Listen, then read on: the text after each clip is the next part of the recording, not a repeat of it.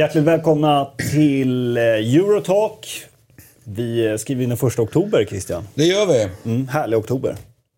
Ja, men oktober är bra grejer. Ja, det är det- fint. September, oktober är strålande. Sen, sen november vet jag inte riktigt, men, men september, oktober, det är liksom bäst faktiskt. Mm, jag gillar också oktober. Eh, du har promenerat hit idag också. Precis. Som sig bör. Förlåt? Som sig Som sig bör, ja precis. Jag har tryckt på bra idag faktiskt, så att det är en viss anspänning då, men den lägger väl sig väldigt snart tror jag. Ja. Jag försökte gå också, men insåg halvvägs att jag skulle komma för sent. Ja, bra. Jag har vuxit upp. Ja, härligt. Närmare i alla fall. härligt eh, att ha dig här Noah också. Precis som var. Hur har helgen varit? Bra. Fotboll. Fotboll. Vilka matcher var du på live? AIK? Ja, jag var, på, jag var i Gävle igår. Jag hann inte mer. Nej, det blir svårt när man åker upp. eh. Ja, sen var det, det var väldigt live hemma. Publikrekord var det, va? Det var inte på samma sätt. Publikrekord för Dalkurd? Ja, 4 000 någonting. Eller? Jag tror det. Ja, något sånt här 3-4 tusen. Ja. Vad bra drag där. Det, det blir ju bra när, det- när en hel arena är taggad eftersom bara AIK är där. Liksom, så, så blir det bra drag faktiskt. Ja, det var, såg liksom mysigt ut på tv. Ja, nej, det var en, det var en bra fotbollsstund. Ja. Inte Eh, Dalkurd. Nej, det var det inte. Martin, hur har din helg varit? Nej, bra. Alltså, lördagen var ju... Eh, jag hade lyckligtvis inget jobb att göra. Nej. Ingen annan fotboll som krockade, så jag kunde se väldigt mycket fotboll på tv. Satt bara hemma. Det var bra. Det var trevligt. Mm, härligt. Så har vi en gäst i studion också, eh, Marcelo Fernandes som eh, har, lite, har olika jobb. Ja, eh, dels eh, regeringskansliet och sen också tränare för Brommapojkarnas eh, damlag. Precis, precis. Varmt välkommen hit. Ja, till att tack börja med. Du, hur går det med för eh, damlaget? Ni leder er serie i division 1, Ja, men det är många vunnit serier. Den. Vi har vunnit den. Vi Ja, ni har förra vunnit den. med två matcher kvar. Men eh, damernas division 1 är ungefär som herrarnas division 1 var för 15 år sedan. Att vinnaren går inte automatiskt Det är upp. men. Man, man måste kvala mot en annan segrare. Det gjorde vi i fjol också. Eh, olyckligtvis förlorade vi det kvalet. Och nu tar vi, tar vi en ny sats nu här i oktober. Då. Och sen är det Elitettan. Elitettan som är motsvarande som till herrarnas superettan. Just det. Det man är minst lika intresserad här av är ju om man tillhör de här 361 som har kritat på det här uppropet i, i regeringskansliet. Men det kanske inte du vill prata om. Eh, Jag är inte en av dem. Jag Och jag kanske slant på siffran, det kanske inte var Nej, 361. två- två- 261. 261 var det, ja, två eller tre. Det är ju höger, hö, högerback eller vänsterback. Same, same. Men vill du berätta lite mer om det? Vi går på nästa fråga. Ja, exakt. Här. Du är ju väldigt intresserad av eh, spansk fotboll inte minst, som du har följt eh, länge. Ja, precis. precis. Jag har egentligen följt spanska ligan alltså sen, sen tidigt 90-tal. Eh, sen ja, Valdan och Cruyff-eran och sen har man ju sett liksom men, men jag tycker det är viktigt att, när man pratar spansk fotboll att faktiskt belysa de andra klubbarna. Alla känner till Barcelona och Real Madrid. Men det spelas väldigt bra fotboll, tekniskt, taktiskt bra fotboll i Spanien. Det görs väldigt bra eh, saker. De spanska klubbarna är välskötta och, och eh, Ja, det enda de behöver bli lite bättre det är, det är att liksom ta bra betalt för, för eh, spelare som faktiskt flyttar till eh, de brittiska öarna. Jag Vilket lag är det på? Eh, nej, men, eh, eh, Barcelona har jag följt sen, sen tidigt. Sen, sen när Pellegrini kom till, till, till Spanien och via Real så har man ju följt liksom, ja, Okej. varit mycket av de, eh, följt, ja, där de chilenska spelarna har varit. Då. Sen Nu är Morano det var ju Madrid. Chile, du får ju outa nu att det är det som gäller. Precis, precis. Ja. Ja, det är ju faktiskt helt eh, icke-kontroversiellt i det här laget. Ja, det är, Ja. eh, och därmed kanske tacksamt att spela ut då. Som att vi Om man inte vill få mothugg där ute. Som att vi håller på Lecce. Ja, precis. Det finns liksom ingen som kan säga någonting. Eh, härligt hörni. Du eh, Noah, jag tänkte det är ju snart dags igen för eh, eh, landslaget. Och en Ja. ny trupp ska tas ut. Ja. Och Christian redan börjar snacka. Ja. Jag tänkte bara ta upp det. Han, han har ju fått ganska mycket, hyfsat mycket uppmärksamhet nu den senaste tiden. eh, Kristoffer Petersson i, i Herakles. Ja. Eh, nu gjorde han mål igen. Åtta mål på sju matcher. Eh, det var någon längre intervju med honom i Viasat också där han eh, pratar om att såklart hans stora dröm är att få spela med A-landslaget. Eh, borde han vara med?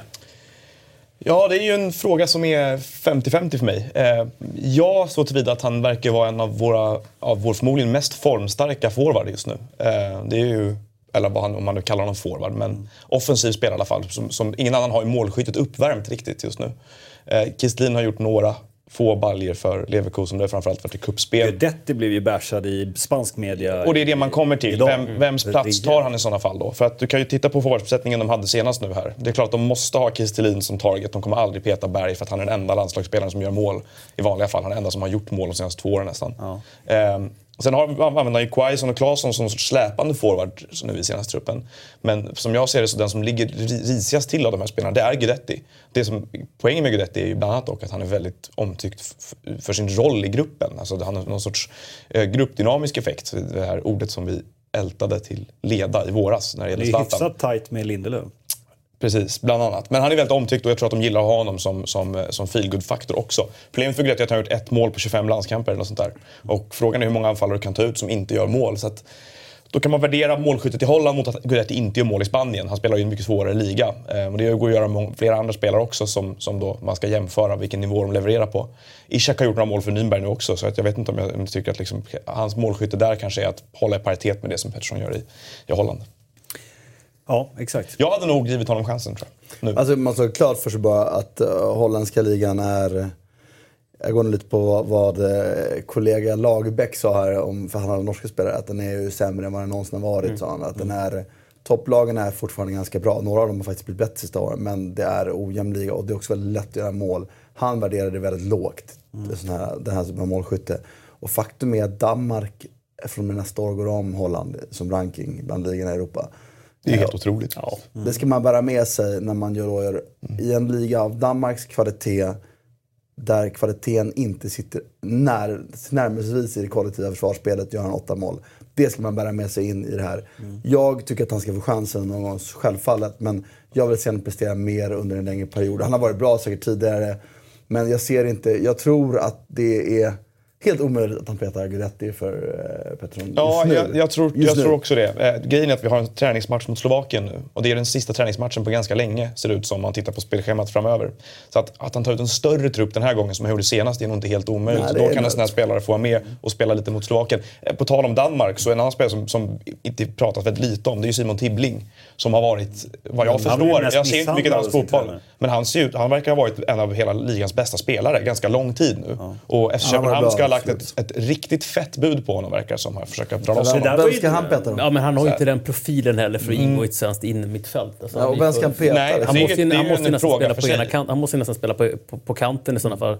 Mm. Om det är Forsbergs roll eller om det är högerkanten. Men på in i mittfältet så Då har är du det inte Kristoffer den Olsson profilen. då, å andra sidan också, som folk ropar på. Som jag också tycker ska vara med för att han är unik, men har, passar heller inte in i Båda, systemet. båda de är ju andra spelartyper. Grejen med Tibbling är att han har väl använts på en kant visst, men han har framförallt varit bra i mitten i Bröndby. Tibbling passar in i Jannes spel tycker jag, för Tibbling är ju en grovjobbare. Kristoffer Olsson är ju en lirare, rakt ut i fingerspetsarna. Men, Mm. jag tycker det däremot finns så mitt- inte som innermittfältare, det håller jag med om. Utan då blir det ju som en centrerad yttermittfältare. Mm. Vill, min poäng är, vill de titta på de här spelarna nu, vilket de rimligtvis borde vilja göra inför fortsättningen, så är det ett utmärkt läge att testa dem mot till exempel Slovakien och ta ut en lite större trupp. Jag tror att Mm. en spelare som Tibbling skulle kunna få chansen på bekostnad av, nu vet jag att Janne älskar Rodén till exempel, men jag tycker, Rodén fyller ju en funktion, men Tibbling kan fylla en annan funktion. För mig är det liksom inte kvalitetsmässigt så jättestor skillnad när man tittar på de två. Här är samma sak då, att, eh, jag menar, det finns ju andra spelare som har spelat väldigt många landskamper i det här landslaget nu, och som ofta är med på lite ren rutin kan jag, kan jag känna emellanåt. Så här. Så man, Det kanske är läge att, låta Seb vila och så låta. Oskar och Albin spela ihop. Något sånt, dem, ja. liksom, Ja. Det var ju många som reagerade på när Tibbling gick från Groningen till Bröndby. Men då har ju han alltså då ligamässigt steppat upp. Alltså från och med nästa år har han det, det är inte då. Men sen kan man ju diskutera laget. Så Bröndby är ju förmodligen bättre än Groningen, absolut. tror jag också. Så det är ju... Men det, vi lever ju kvar i en, en era när holländsk fotboll faktiskt var bland de bästa i Europa. 90-tal, när du började titta fotboll. Ja, men det där är det en viktig poäng tycker jag. För det är lätt att man fastnar i att eh, man har en bild av hur ligor var för kanske 20-30 år sedan. Och så lever man kvar i den bilden. Som Serie A skulle vara bra fortfarande. Jag tror, till, jag tror till exempel, jag tror till exempel att, eh, att eh, lönemässigt så kan nog Brön- Bröndby absolut massa, mm, alltså till och med erbjuda bättre. För en icke-dansk spelare ska sägas. För danskarna har ju, men utländska spelare får det här tror man- 30, 33% flat tax liksom. Man förväntades väl att han kanske skulle gå till en mer attraktiv liga från efter holländska. Och sen kan det väl vara att han hade kanske inte bud. Det tror inte jag. Nej, vidare är ju också... Alltså, det, det, det är ju faktiskt eh, realiteten. Det är nog verkligheten. Att Han nog, hade nog inte liksom bättre buren från, från Bröndby. Nej, men, och, och, Och I Sverige, bra, i Sverige, i Sverige känner vi ju liksom. så att om man kommer tillbaka till Skandinavien då är det som att man kommer hem. steg Så får man lite bättre betalt i Danmark. Det är så vi betraktar det på många sätt tror jag. Det är lite konstigt egentligen. Det är ju också att holländska ligan, som du sa i början här, överskuggas ju kanske den övergripande kvaliteten av att Ajax, PSV och ibland Feyenoord är ganska bra lag alla tre. Och, de har- att Alkmaar har varit ganska bra i, i Europaspel Och också. de senaste åren. bästa kanske till och med har blivit lite bättre de senaste åren. Men eh, som helhet ska ligan ha blivit sämre säger de som kan ha koll på det. Och rankingen är ju... Är det bara att kolla på holländsk fotboll överlag? Förmodligen så finns det ju en korrelation där. Att de, De har haft svårt i Europa, i Europa också, alltså i de här kvalmatcherna till, till Champions League. Aj- Aj- Ajax gick ju till Europa League-final. Det är väl den enda, det är väl enda liksom framstående grejen de har lyckats med senaste åren. Ja, vi ska ta en titt på hur det gick i Europatipset den här helgen. Ja! Och eh, Noah ska ha minuspoäng. Nej, jag hade ett kryss med. Var? Det blev Var det- fel. var det Nej, men det, singelkryss jag har inte uppdaterat raden. Jag har mejlat med Tomislav om det här. Jag har ett kryss med, det är lugnt. Var var det någonstans? Singelkrysset var på Alaves, Levante Alaves, så det blev fel ändå. Det blev en etta där. Oj, Och så var det- och så oj, var oj, det- oj, vilken save han kör Och så var det. Augsburg Freiburg. Det här jag, är redan jag, hörde av mig, jag hörde av mig i onsdags om det här, så jag ska slippa Ja, den. Okej. Det mejlet har jag inte sett Det någonting ska vi se. Deras Nej, det privata var- kommunikation Det ska vi titta på. Jag kan visa. Hur funkar det på regeringskansliet? man- Precis. Jag har mejlat. Diarieföring verkar inte vara så bra på, på UD i alla fall. Ta lite vatten här. Men eh, hyfsad ut. Alltså, Och framförallt Christian, 7 rätt med enkel rad. Åh jävlar! Nej, det var bra, bra, bra. Den var genomarbetad t- trots att det var ju lite svårt eftersom det var mitt i veckan-omgång. Som det, det. det var liksom svårt att... Det är svårt att hinna med där när vi lämnar in när vi lämnar in. Men eh, ja, han var ju föredömligt svag på svenska matchen i alla fall kan vi konstatera. Föredömligt. ja. Eh, Men de, ja. de, de missade vi allihopa på. Ja, du hade BP med där, just det. Du slänger ofta med ett kryss på BP. Någon gång får du betalt liksom. Jag hade rätt. Ja, även en trasig klocka. Så. ja, exakt. Men, eh, ja, men det är väl bra, eh, helt okej jobbat. Jag tycker ändå att ni ska kunna steppa upp lite. Men, Ja. eh, Nej, men det vi kan jag titta på eh, totalscoren då. Och eh, där ser vi ju då att såklart Gusten då med tanke på de tidigare resultaten fortfarande han är i ledning. Eh, men eh, Fjällborg... Men vad kan det stämma? Jag fick för att jag David Cardiff Fjäll. Ja. Är det Cardiff-klass? Hjälplös i botten. Cardiff-klass. Ja. På... Ja. Det var faktiskt snyggt av Christian att bara plita in en tvåa på Burnley. Det gillar jag. ja, men den var väl ganska klar, eller? Ja, Väntad. Så mycket som jag begriper Premier League i alla fall. Så, mm. absolut. kan jag hålla med om. Eh, ja, när vi ser David ligger eh, toksist där bland en er som spelar eh, 93 raders då. Jag blir lite förvånad att jag har 60... Jag borde ligga fem efter Gusten fick jag det till när jag räknade upp det. Men, Mhm. Det är mycket oklarheter här nu. nej, men det, det är ju... eh, Det för, man får ju vara vaksam här för eh, det, Det kan ju hända både det ena och det andra, bakom eller hur? Absolut. Det, det är Jag ska se inte mina något, Tomislavs eh, mejltråd. Det, det är inget fail-proof det här eh, systemet direkt. Smyger upp, eh, så snart kommer Noah ha 13 rätt där. Bara. Mm, jag tradar en sågning av Lukaku i direktsändning mot... Exakt. Ja, härligt. Apropå Lukaku, vi tar oss vidare nu till eh, England.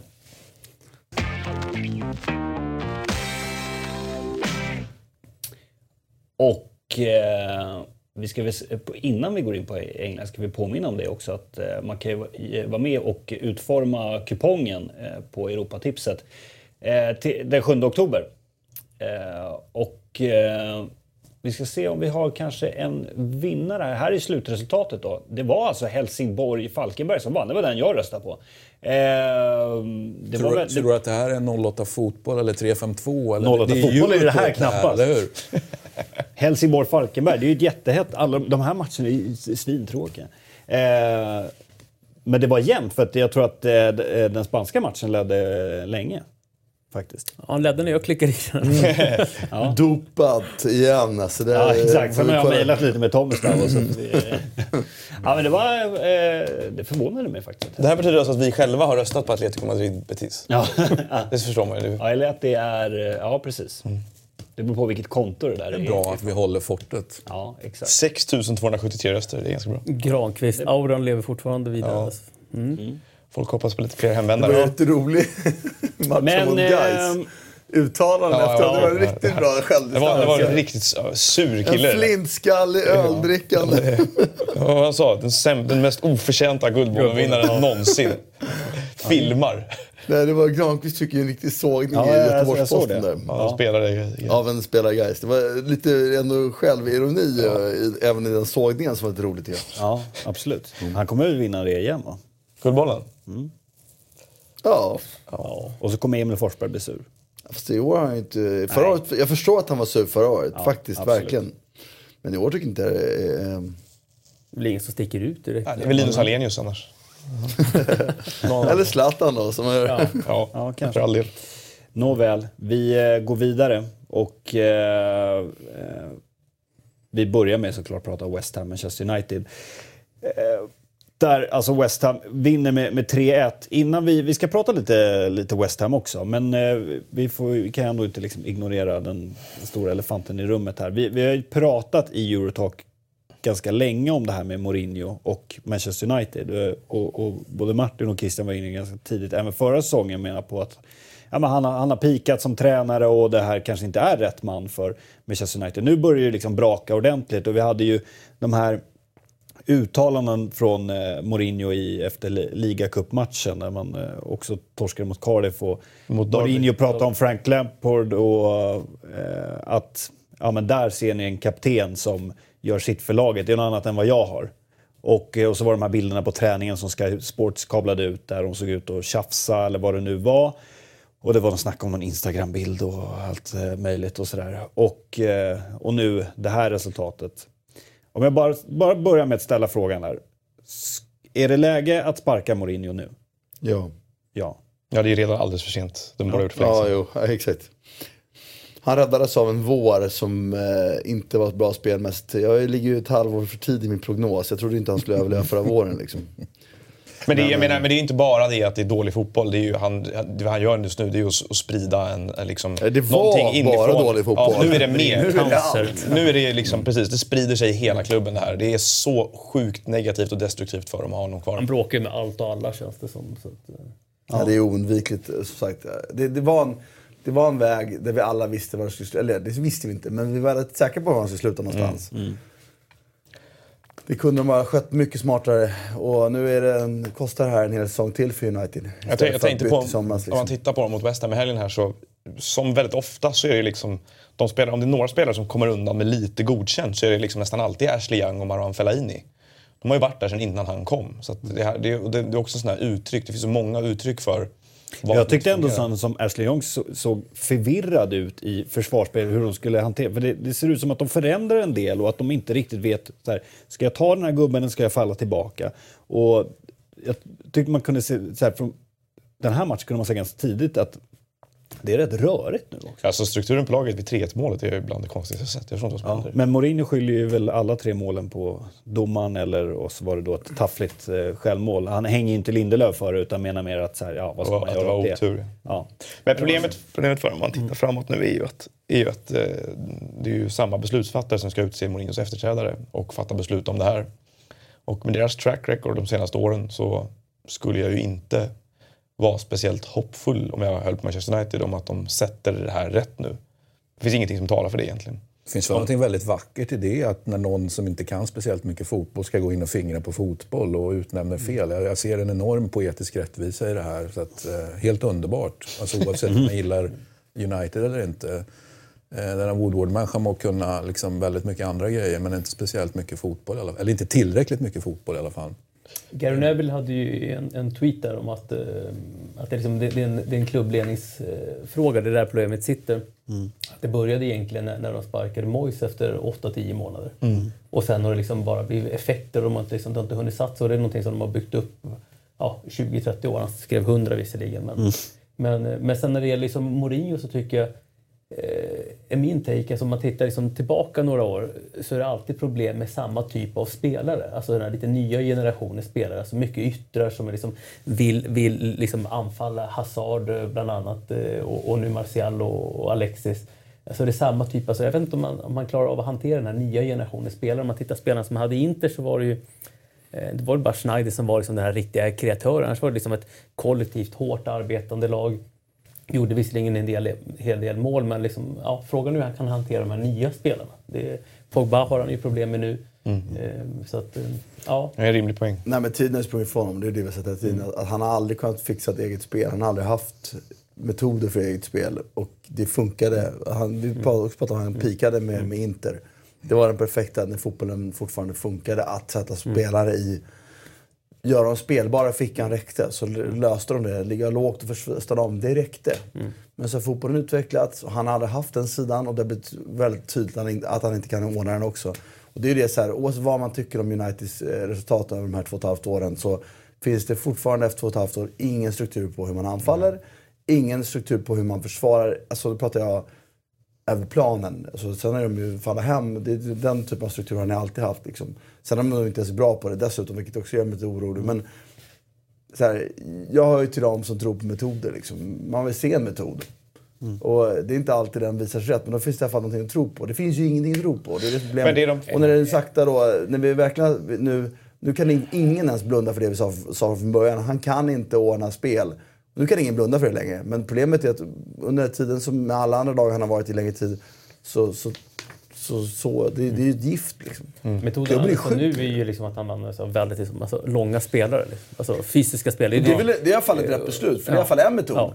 Mm. Sen, Men sen får de ju stryka West. Ham för att det är mer sofistikerat det de möter. Men, det, men det man ska komma till då när man tittar på ersättare till honom på något sätt. Så de missade ju chansen i somras att till exempel vara med och slåss som Sarri. Eh, om det var nu det de ville ha. Typ, som jag Det hade ju varit en, Ett av de eh, mest attraktiva namnen de kunde fått. Det är ett av de bästa tränarnamnen i hela Europa. De har ju missat ett klopptåget. Han kommer inte lämna Liverpool för det här. De kommer nog inte få loss Pochettino från Tottenham. Och då, Emery hade, de, hade också kunnat vara Ja, Om han hade varit den typen. Precis. Men det- det- Han hade väl kanske inte erfarenheten av Nej, men det är ju samma så här, nästa steg. Vad är nästa steg? Nej, jag, Ja, det är det jag undrar också. Det är där man hamnar nu lite grann. Conte här, nej. Liksom, ska de ta in då en Hiddink-typ under resten av säsongen? Zidane tror- är jag inte alls säker på att det är rätt heller. Det känns också Det hade varit spännande. Men det känns, som en, det känns som en, jag, får intrycket att det känns som en liten populistisk anställning på något sätt av dem fortfarande. Sådär, att det är klart att Zidane har ett fantastiskt facit men jag har svårt, att- svårt att ta Jo, jag inte- jag- jag Zidanes säger jobb och bara det här passar perfekt i United. Nej, men jag säger inte att det, att det, är, att det vore... Om jag var United-supporter hade jag ju hellre sett kanske Conte för att det finns en lå- lägstanivå där. Men Mm. som allmän fotbollssupporter, jag vill ju se Zidane i United nu. Jag vill se vad fan vad han verkligen går för Mm. Ja, på riktigt. kul. Och jag... Någonstans, jag... eh, Jag vet inte om Conte heller är rätt liksom, typ för United. För någonstans så blir det liksom... Alltså, Mourinho är väldigt disciplinerad och det ska vara regler och struktur och allting. Liksom, alltså, vid sidan av. Kommer det med Conte, han är ju, han är ju, han är ju värre liksom. Alltså, Fast han har en alltså, tydlig struktur på hur man vill spela. jo, jo, så de kommer bli visserligen, men- svårslagna och de kommer klättra i tabellen. Det är möjligt, liksom. det är möjligt. Men jag tänker liksom, då, nu behöver de någon, alltså, alltså, en Ancelotti, alltså någon som kan liksom, någon Kanske. enklare, liksom, någon som kan liksom, släpp loss hästarna, låt dem få anfalla. Liksom, någon, någon, ja, någon i motsatt riktning. Men, men Ja, varför håller- inte? vi pratar om två saker. Jag håller med dig om, för du pratar om ledarskapsbiten. Ja. Att någon som typ kommer in och förlöser och får folk att må bra igen. För det är bevisligen behov. Men så, återigen, jag är ju med för metoden. De behöver en bas att spela fotboll på, för det har de inte. Så tar du in Ancelotti nu, så fan vad det skulle leda till. Tar du in Zidane nu, så vet inte jag vad det skulle leda till. För jag vet inte om han kan bli bas. Ancelotti gör ju inte det. Ancelotti bygger ju ingen bas. Han gör ju saker med det han har. Han förvaltar. Ja, och det är någonstans känner jag att de behöver bygga en bas igen. Det var därför jag tänkte Conte ger dem en bas. Så de står på. Sen kan någon, för det är ändå, oavsett om man vänder på det så är det, det är ändå lättare för Sarri att ta över efter Conte. Än ta över efter Uniteds, eller på ett sätt är det det. För det finns ju någon bas i alla fall. Tänker jag. Men, ehm, och det är bas jag säger att de skulle behöva. Men Jag tror han, hans ego kommer bli hans fall här. Alltså någonstans, det hade varit ganska enkelt att, att justera det som. Han hade kunnat ta in en assisterande tränare eller en hjälptränare som, som hade haft de kompetenserna. Liksom att ja, bygga ett eget anfallsspel och så vidare. Det är många tränare som har gjort så. Eh, Sampaoli gjorde så i, i, i Chile och i Sevilla. Eh, och, och flera andra har tagit in bra. Ferguson gjorde det ju jämt. Liksom. så att det hade varit enkelt att kunna justera men någonstans känns det som det här portugisiska egot kommer fälla honom på nytt. Ja, han är ju ett så stort problem i sig själv och sin person. Så att det är liksom... Och det är viktigt för dem att göra det snabbt så att inte Pogba drar istället. För att de kommer ha... De kommer, ja, jag menar, ta maxhöjden i Pogba och, och sätt den i det här laget. De kommer ha svårt att hitta en spelare som kan ge dem samma saker. De kommer få köpa loss spel, de kommer inte vara tillräckligt attraktiva för det heller.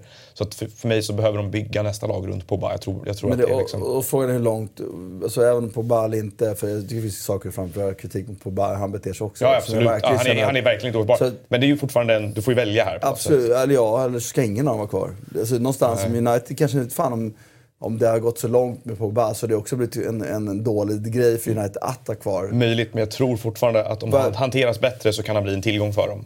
Ja, det är möjligt. Och en tillgång de har Men svårt det är att vi- köpa från Men annat det är viktigare att, att, fokusera för rädda honom tycker jag är ointressant för Uniteds del. United måste ju nu välja hur långt efter Champions League-tåget kan man hamna. Liksom. Det är mycket, mycket allvarligare Mm. tycker jag. Liksom.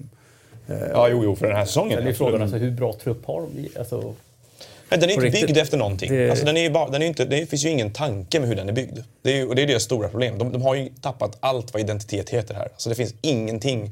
Det är bara ett hopplock av spelare här. Jag kan liksom inte se...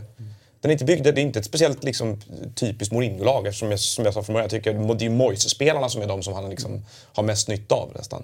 Så att det, är ju liksom, de har, det finns ju ingen röd tråd när det gäller någonting. Och det är det jag menar med när de ska anställa en ny, tränare, en ny tränare nu här, Woodward. Jag, vi- förstår han hur det här funkar? Jag tror inte det. Och det är därför skulle jag vända, för jag håller med, den är väldigt spretig truppen. Den är sjukt spretig. Jag tycker ändå det finns jättemycket kvalitet, men på väldigt många olika sätt. Och det är kanske ännu viktigare då att få en tränare som har en, en bas att spela på.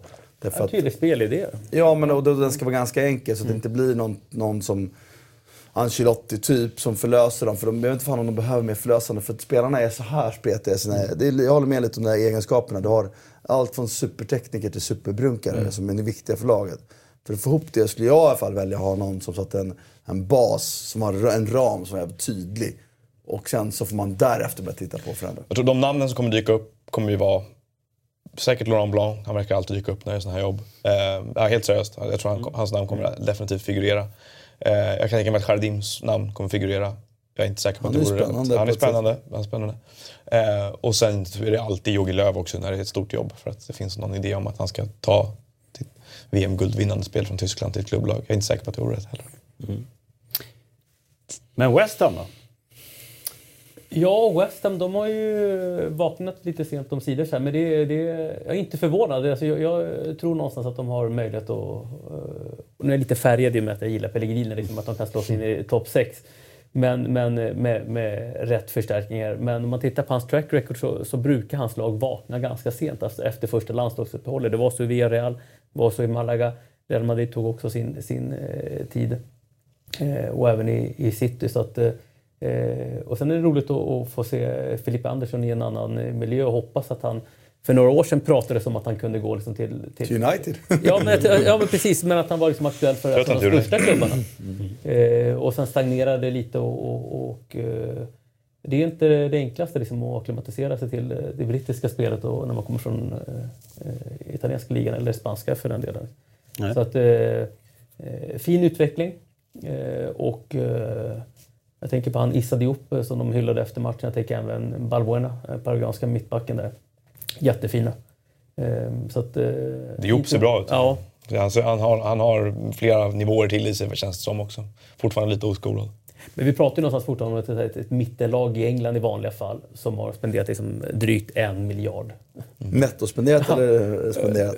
Har de Ja, sålt? du vet, ja, men, nej, men jag tror mer att de har köpt, eh, köpt för cirka en miljard i sommar. Alltså det är hiskeliga pengar. Alltså. och la stora pengar på Arnautovic året innan. Det, var, det, som var, det som var bra här, som var bra, bra, bra även mot Everton till stor del tycker jag, det är ju att de får ihop centrallinjen. De såg ju extremt porösa ut i mitten innan, alltså, i första matcherna. Det var ju, total, var ju liksom gågata för, för vilka som än mötte dem. Framförallt mot Bournemouth så var det ju pinsamt att titta på. Nu såg det ju mycket mer uppstrukturerat ut. Och den här fronttrion, Arnautovic, Filippa Andersson och och Jarmolenko, de kommer ha dagar kan jag tänka mig där de inte är på så här, så här samspelta och så här synkroniserade. Men när de är det så var det ju jäkla sjå att hålla koll på dem alltså. Jag tror fortfarande inte att Filippa Andersson har visat någon form av spets ännu. Än så länge har han gått på medelfart. Han har ju en Ännu nivå mer, absolut. Det är en, men han har också, som vi har sett hittills, Mm.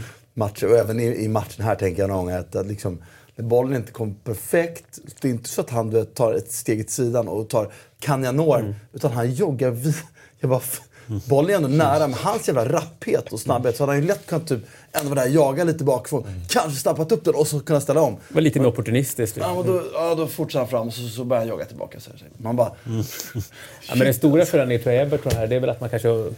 eh, Alltså rent tastiskt, de har ju vridit på mittfältet. De har ju spelat med en 10-2 balansspelare. Nu har de fått in Declan Rice, eh, tidigare högerback eller inneback. I, Han var ju egentligen mittfältare Rice också. Ja, precis. Men nu, är det liksom renodlad, nu spelar han som renodlad sexa, vilket gör att man de har en spelare till och, och innebackarna kan eh, gå ut lite mer i täckning till, till ytterbackarna plus att man får ner... Ja, droppa ner Ja, droppa ner liksom. Så att då har de bättre täckning centralt och även vid inläggsspelet vilket eh, behövs i sådana här matcher. Kanske är det som gjort att Nobel var... Ja, men alltså- För han var ju, jag, jag måste säga det, att förra vårens möte, då sprang Pogba med boll över Nobel mer eller mindre. Ja. Som en pojklagsspelare såg Nobel ut. Och som där, du vet, han sprang och jobbade så fan och liksom Pogba bara typ, jaha, vad vill du liksom? Flytta på dig.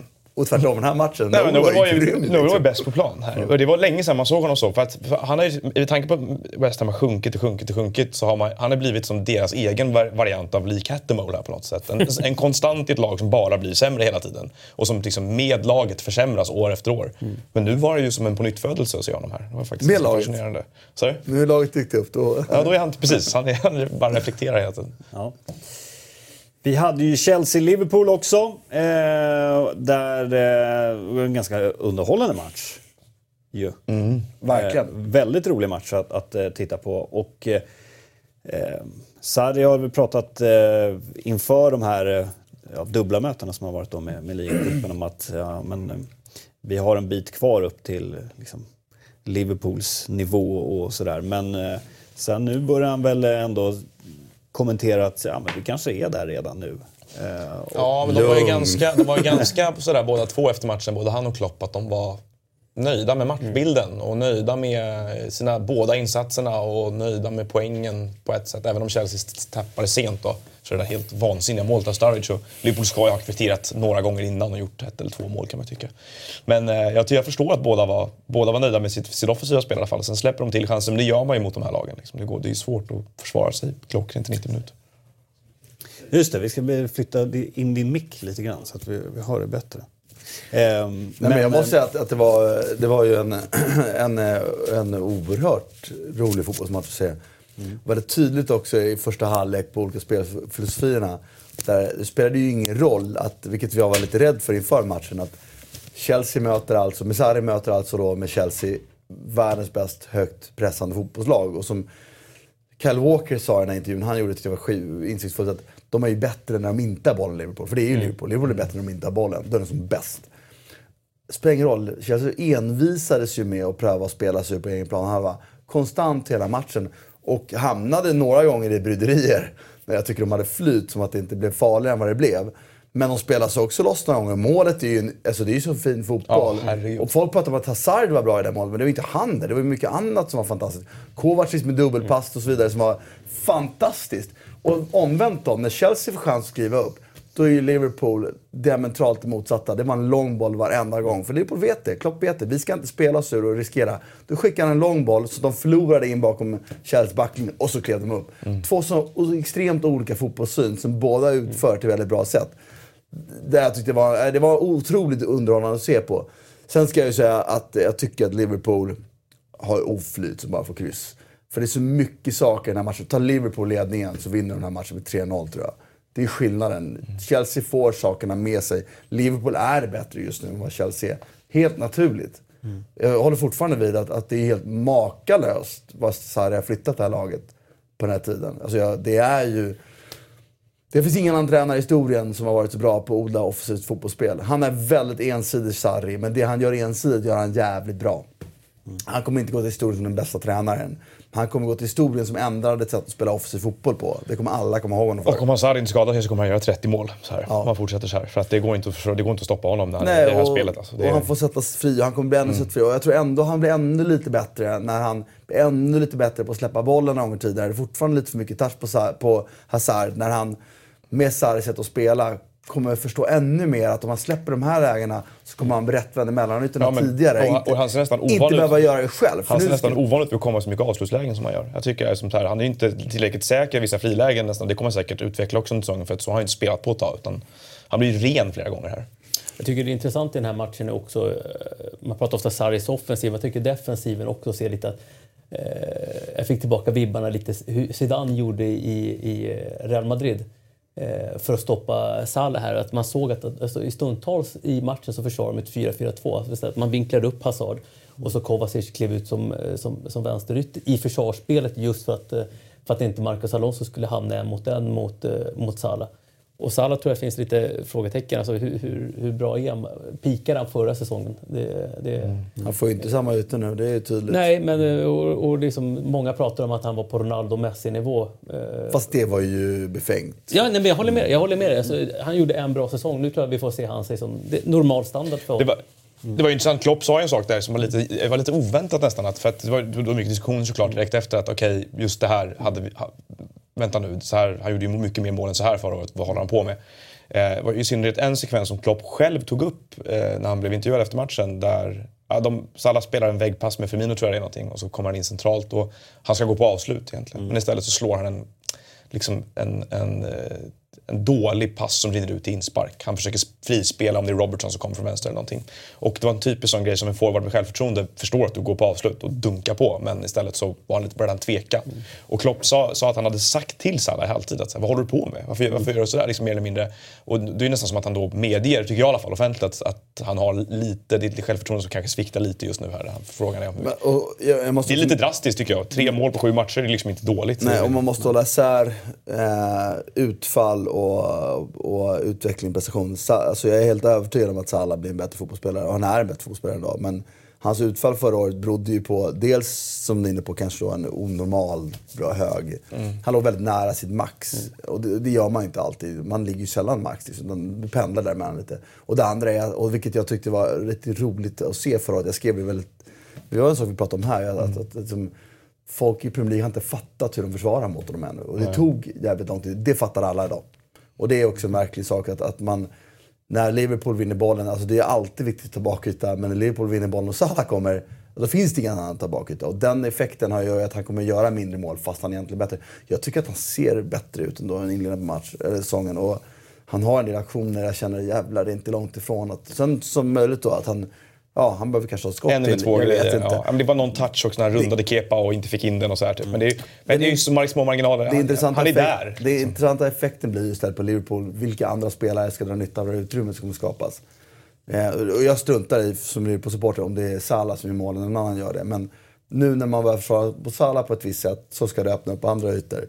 Då förväntar jag mig att andra spelare ska spela mer och göra mer. Jag tycker det var synd att inte Keita spelade. För att, jag tror att de måste få in honom mer. Eh, för han gör skillnaden. För han kommer loss med bollen. Han tvingar... För, han tas också in i straffområdet. Med alltså, boll. Om, om, om, om Salah binder upp två, tre spelare ute på kanten så måste de, alltså han med boll, ja, så, måste de få in löp, mm. så måste de få in löpningar in i boxen och det får de inte. Och det, någonstans är jag så förvånad liksom, att det inte är fler lag som, som, som straffar Liverpool med deras liksom, eh, mediokra mittfält mm. och, och, relativt mediokra backlinjer. Liksom. Det, men, det, på, men, det, men, det, är för att, att de är så jäkla bra i pressspelet. Ja, och för att de inte tar någon risk. De spelar Nej. inte bollen i mittfältet själva utan de vet om det. De spelar inte kort bakifrån utan de skickar mm. dem lång och så, så ser de till att vinna boll högre upp. Mm.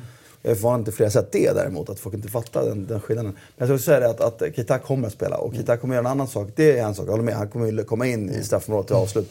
Men det jag tycker är absolut mest bäst om när han gör, det är ju när han från mittfält, eh, exakt, tar sig loss från sin mm. mittfältare mm. centralt, mittfältet. För när man har någon i sitt lag, det Hazard gör, kanske det är för mycket nästan, mm. men här, när någon bryter sig loss från linjerna. För man försvarar i ett, ett zonpositionsförsvarsspel, alla de här termerna nu för tiden. Men om någon tar sig loss i det, då, då måste förändra allting. Och när de förändringarna, ytorna uppstår ju. Och det, därför, han är den enda som gör det, för det har Liverpool ingen annan. Chant kunde göra det, men gjorde det inte så bra. Men nu har de ingen som gör det längre. För Milner är en väldigt bra passningsspelare. Henderson är en väldigt bra kampspelare. Mm. Men de behöver den här, och Wijnaldum gillar jag rent generellt. Men... Fabinho kan väl göra det mesta. Ja, men den enda av dem som kan komma loss med boll är Keita. Och hade han spelat den här matchen, jag är förvånad att han inte spelade. För hade han spelat, för vi vet att Jorginho är en grym men spelare. Men Wijnaldum kan göra det också. Ja, men inte på samma sätt som Keita. Inte lika bra tycker jag. Ja, de behöver någon som kan bryta linjen, ja, bryta och speciellt, speciellt mot Chelsea, mm. där Kovacic Jorginho i alla fall, mm. båda två är grymma försvarsspelare när det gäller att läsa spelet. Men ingen av dem är... Om Keita springer bredvid dem kan han bryta sig loss förbi dem. Och det skulle jag som tränare tänkt på innan. Här är vi ett lag som försvarar bra positioner, men de är inte så duktiga en mot en egentligen, med centralt. Vem har jag då som bryter sig loss? Men det är ju han jag vill ha. Liksom. De hade kunnat nyttja liksom, det numerära överläget mer på det centrala mittfältet. Eh, och kunna driva sig förbi sin spelare som de var tre mot två egentligen i, i anfallsspelet. Sen tycker jag att det var, det var kul att se en match med så mycket systematik som ändå kvitteras av en helt utom systematisk sak av Sturridge när han bara står stilla och dräper den i bortre. Ja, var, man ska inte kunna skjuta stillastående sådär. Nej. Jag tror han fuskade. Ja. Är den otagbar? Jag vet inte. Det är ju, jag tittar, om man tittar på reprisen så liksom, det, den har ju en centimeter till godo upp och ner när den passerar Kepas hand. Liksom. Så, Nej, det kanske var bara helt det är perfekt. I sjukt så kraft fall- i skottet. Alltså. Jag tycker det är svårt att göra någonting åt mål. Jag tycker däremot Kan att man kan ifrågasätta Kantés försvarsspel där. Att han kanske måste... Ska inte kunna göra mål därifrån. Nej, men han Det är måste liksom- kunna kliva upp lite snabbare. Nej, Jag och- håller och inte med. Den där, den och där så grejen har inte jag riktigt med. Jag tycker tvärtom. tycker. Positionen som målvakt i ett sånt läge då. då har han, ju, han har ju bevisligen läst det fel. Mm. Han ska ju inte, det ska ju inte kunna gå att skjuta. Fast vad ska han läsa därifrån? Alltså, Ja, men- Sturridge står ju nästan Men felvänd. varför står han så långt Fem ut meter förut? utanför Vad, vad vill han vinna med det liksom? Nej, jag vet. Han ska inte kunna sätta den över honom. Nej, det är det jag Nej, menar. nej. Det, det ska ju vara Ja, man tror här, att det kommer ett inlägg Det är ju en det. sån, sån. Det är inte sånt här som... Alltså, han det är ju är inte jättelångt ut heller. Alltså, han står ju ganska... Nej, jag menar det. Men Det, det är bara, tror man får nöja sig i slutändan att det är ett jäkla bra ja. slut. Ja. Så att det är snarare kanske att leta jag hoppas han är frisk Sturridge. Jag gillar honom alltså. Han har, han Ja, absolut. naturlig målskytt. Fast han får inte spela för Firmino. Det är, Nej, det kommer inte spela. Men man vill se honom som... De behöver honom som alternativ under säsongen också. Och Arsenal fortsätter att vinna. 2-0 nu, men eh, det är inte helt frid och fröjd. Nu eh, Är det inte? kommer det ju uppgifter med om, från- från BBC eh, bland annat att Ramsey kommer lämna Arsenal Ja, efter ja. säsongen. Då.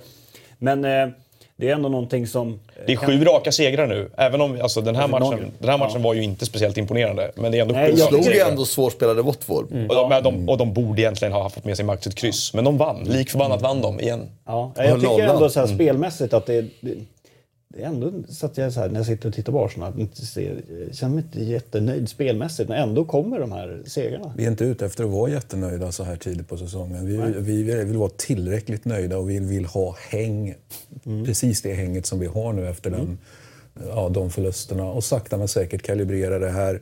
Nu fick vi den här, vi ska inte önska oss skador, men nu fick vi skada på check. Det vill säga nu fick vi förmodligen målvaktsbytet då, som vi har pratat om att vi vill ha. Och bara se Torreira spela fotboll. Det, det, det är bara, man, det, man är ju tårögd liksom. Den tolkningen av innermittfältsposition är ju... Är ju det, det, liksom, det, Tänk om han vore typ två decimeter längre. men det, är ännu, det är ännu bättre än vad det... Man tänkte, han kommer trots allt till, från latinsk fotboll till, till skitfotboll. Han, är ju, han, är ju, han är ju smart. Det, kan, Ja, men det, han det är är förvånande smart. över det. Men han är ju liksom. så ung. Alltså det, så, det finns så mycket som talar emot att han ska kunna göra det här. Han kom till Mm. Italien, funkar direkt, bytte position på planen och, och, och funkar i båda positionerna. Eh, och han kommer hit och han funkar. Alltså det, det, jag tycker det är helt anmärkningsvärt. Då.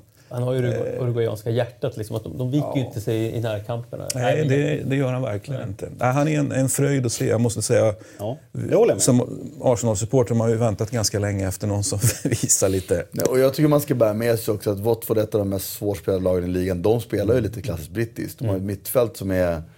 Alltså jag älskar dem ju med, med Capo och, och Doucouré som...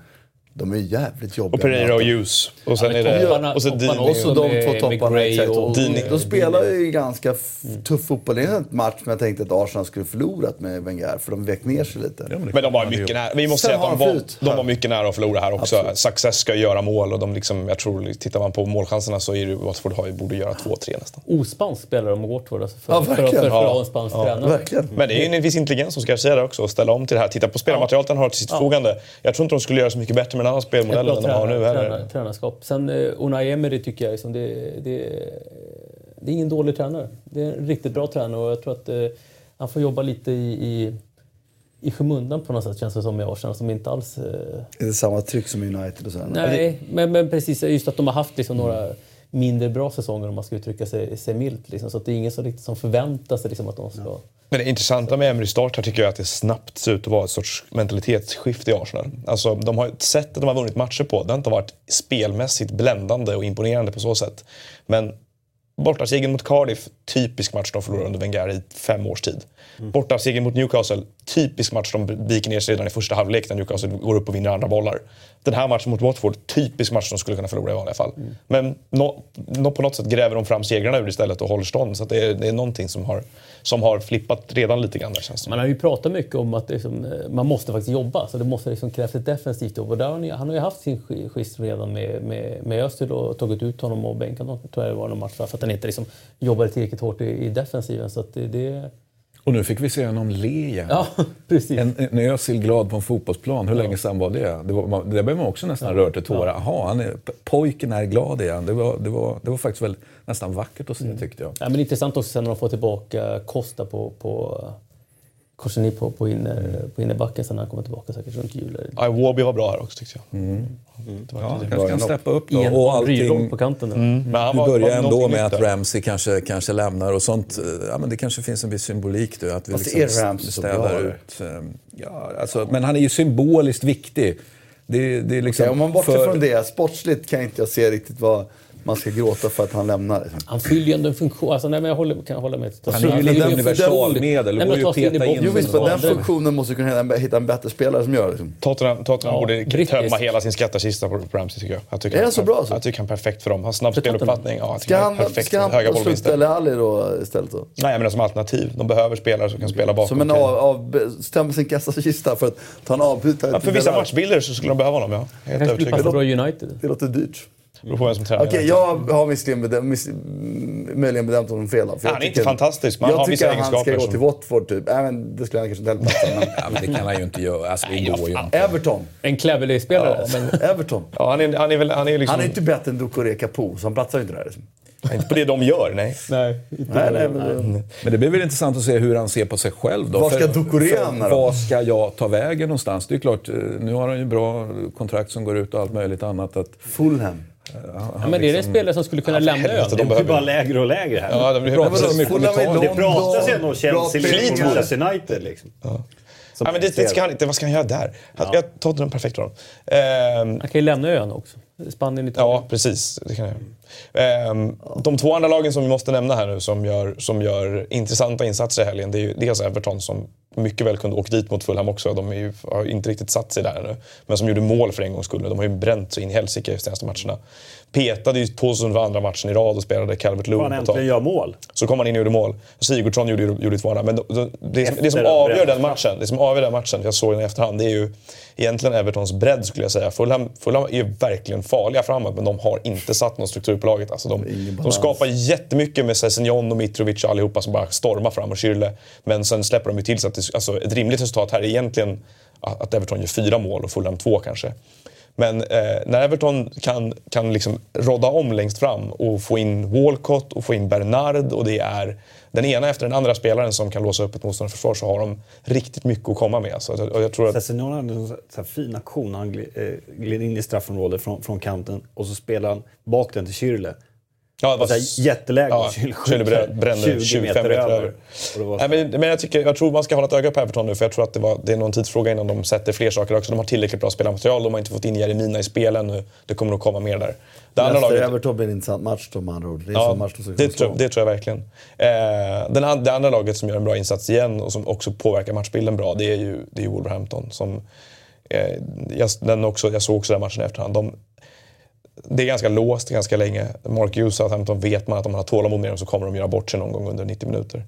Och sen så kan de ju slänga in, de har ju också en bredd på truppen som, jag, som är imponerande. Alltså med att de tar in eh, Adama, Traoré heter han. Eh, som ju är Den en, minst Barcelona. Alltså, Ja, han är i Barcelona. Det finns Ja, men, den, men den spelartypen, alltså som game changer mot de här lagen, när Southampton är lite trötta efter 70 minuter, det är ju det som avgör matchen mer eller mindre. Så de, och de har många spelare också tycker jag. Cavaleiro som kom in och som var skadad, gjorde mål. Så att, De ja, har ju värvat hela Portugals gamla U21-trupp som var med och vann Mm. U21-EM. Southampton känns ju oerhört tråkiga. Alltså, alltså, det, ja, men det är ett rätt tydligt bottenskikt nu alltså. Huddersfield kommer få det fruktansvärt svårt. Cardiff har redan åkt ut. det är inte Mark Hughes som håller... Jo, det är tydligt på att Southampton kommer ligga mellan ligga, 18 och 17 plats ungefär. Newcastle har det tufft också. Eh, Newcastle kommer få det tufft också och sen tror jag att, eh, jag tror inte Burnley rycker undan från det där heller utan jag tror de, Fulham, Fulham har, kommer göra för mycket mål. Nej, Brighton är för stabila alltså. De, är, de, är, de, de löser det där också. De har haft ett ganska tufft spelschema. Huddersfield, Newcastle, Cardiff, Burnley, Southampton tror jag får göra upp om det där längst ner. Fan, här är det tabelltippning eh, Ja, men det börjar syna supreme, saker nu. Och Bournemouth förlorar mot Crystal Palace då idag. Varför det? Nej, om de gör det. Nej, jag hoppas ju Bournemouth vinner. Ja, det Jag gillar ju lag som spelar positiv fotboll. Ja, Crystal Palace, fyra mål framåt eh, på sex matcher. Ja, eh, spännande eh, med eh, tabellen. 4-6 i målskillnad, det gillar vi. Det gillar Christian. Det gillar jag absolut. Jag håller på Pallas. Ja, du håller på Pallas. Fan. Ja, just det. Seriefinal Ja, Liverpool City. Wol- Wolves 8 Är det helgen? på söndag. På söndag, det är studio Och också. Där, trevligt. eh, där City har eh, en, en viktig eh, Champions League-match borta mot Hoffenheim. Men det kommer vi till senare. Och Tottenham har viktigt mot Barcelona. Ja, herregud. Men det kommer vi till lite senare. Nu ska vi prata Italien. Där händer det grejer, Christian. Det här. Och eh, vi kan väl börja med eh, Romderbyt då, som eh, Roma fy vann med eh, 3-1. Eh, vad tar vi med oss eh, från det derbyt? Jag tycker att vi tar med oss det som har hänt vid sidan av planen istället. Att Marotta slutar i Juventus och att det är, är fight i Rom inför derbyt mellan Totti och Nybok och Baldini. Det tycker jag är de i särklass viktigaste grejerna som hände. Eh, och sen var det ju ganska viktigt på planen också, det vill säga Romderbyt och Napoli borta mot Juve. Men Romderbyt, man är besviken på att Lazio inte gör det bättre och man, man eh, Och kanske är lite... där. lite jag vet inte om man är förvånad, men liksom Roma steppar upp här i ett läge när det, ja, där det var läge att steppa upp helt enkelt. De blev Eh, bättre när Pastore klev av. Ja, jag sätter ett stort frågetecken för Pastore och hans, eh, var han ska in i det här spelet. Och För det, här, framförallt, det här är för högt upp för honom. Han ska in i ett lag lag Fiorentina. Men det är samma där, vad har han för bild av sig själv? Det vill säga, han har ej, PSG och, och så vidare. Alltså det gäller ju att, att, takta in rätt. Och, Det har, men det har en nöt att knäcka för att de blir bättre utan honom. Jag tycker han tillför för lite än så länge. Och jag tycker också det gäller Charavis som var väldigt nyttig i spelet. Men nu har jag en sån här period när det stämmer dåligt för honom tekniskt. Alltså det är ju flera moment där han kan göra, alltså han tar situationer bra men det blir ju ingenting av det sen. Florenzi får kritisera för han fyller en annan funktion men var ju också, det är också en brist de hade tyckte jag. Att de borde ha haft där borde, de borde, någon av dem borde kunna bytas ut mot någon som är lite farligare. Det finns ju Ja, alternativ. men tittar du på det där mittfältet med som Syder, Rossi, Pastore. Alltså det är ingen som riktigt tar sig in i boxen som Pellegrini kom i andra halvlek. Alltså du måste ju ha det här. Du måste ha en spelare till som kommer in i straffområdet. Men det var ju nog tänkt att Florenzi eller Charavi skulle fylla på liksom. Och det gör de ju också. Charavi är ju inne flera gånger men gör ju ingenting av Ja, men det är från kanterna. Men du behöver ju få någon liksom, eh, som kommer in Ja, det håller centralt. inte jag med om. De kan komma från kanten in också och stötta in. Så. Hur som så är ju Lazios mittfält ett mittfält som bör kunna hantera det där, kan jag personligen tycka. Ja, men jag Eh, håller med om att Lazio var en Så, besvikelse. så att det var... Jag var lite förundrad över. Jag tänker också på... Det är svårt att inte tänka på, på lillebror Inzaghi här. Om det här... Mm. Alltså, det såg ju så fantastiskt bra ut och det var på väg att se fantastiskt bra ut nu också. Man kände att nu har de taktat in formen, nu sitter det igen. Nu, är det, nu, ja, men nu blir det som förra, förra året, det bara, de bara mörsar. Och så, okej, ett derby är alltid ett derby, det går ju såklart att hitta någon. Men, men jag tyckte sättet som man ändå sättet man faller på till slut blir faktiskt ganska anmärkningsvärt. Vad är det som, vad är det som inte flyger Ja, nu som jag- funkade då? då? Jag tänker tre saker med, med Lazio. Det ena är ju att, att, att Cherby inte ersätter Vrij. Det är inte tillräckligt bra. Ja, det är en, en, Det är en grej. bra diskussion. Ja, eh, som inte funkar i alla fall. Sergej, som absolut inte är vad han var förra året. Och den som är absolut sämst mot förra året är Luis Alberto. Som nu spelar som man kanske kunde vänta sig när han kom till Lazio. Det vill säga bra ibland, men, bra.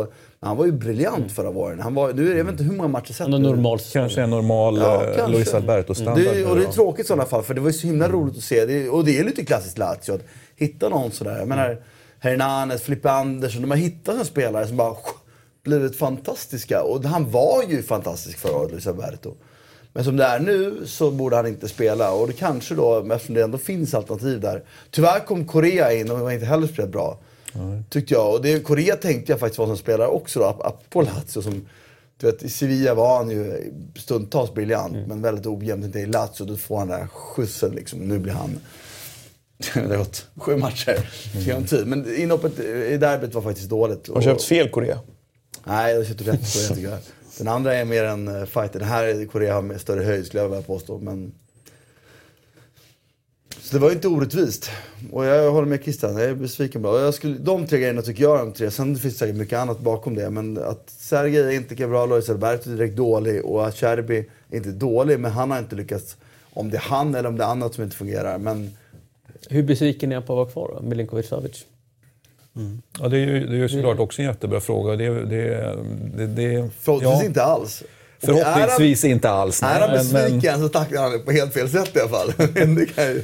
Ja, nej, men det där är ju någonting som bara en, en, en sportchef egentligen och möjligtvis en tränare, men en sportchef ska säkerställa. Hur är det nu? Är du, hur, hur, hur, är du med mentalt nu eller är du, kommer du springa omkring och vara besviken? Och det ska såklart ställas mot pengarna de så tydligt vill ha för honom. Och, ja, sätter man upp väldigt...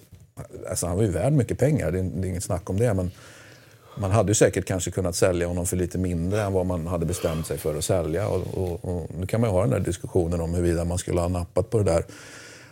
Oftast, jag säger inte att det är så i det här fallet, men oftast är det ju alltid så att när, när det blir den här typen av grejer Sälj. då är det lika bra att sälja. Alltså grundregeln är sälj, sälj, sälj. Det är min fasta övertygelse. För att man, man, eh, man släpper ut saker och ting som...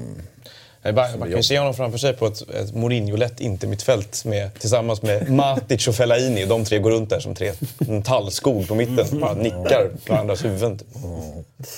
Ja.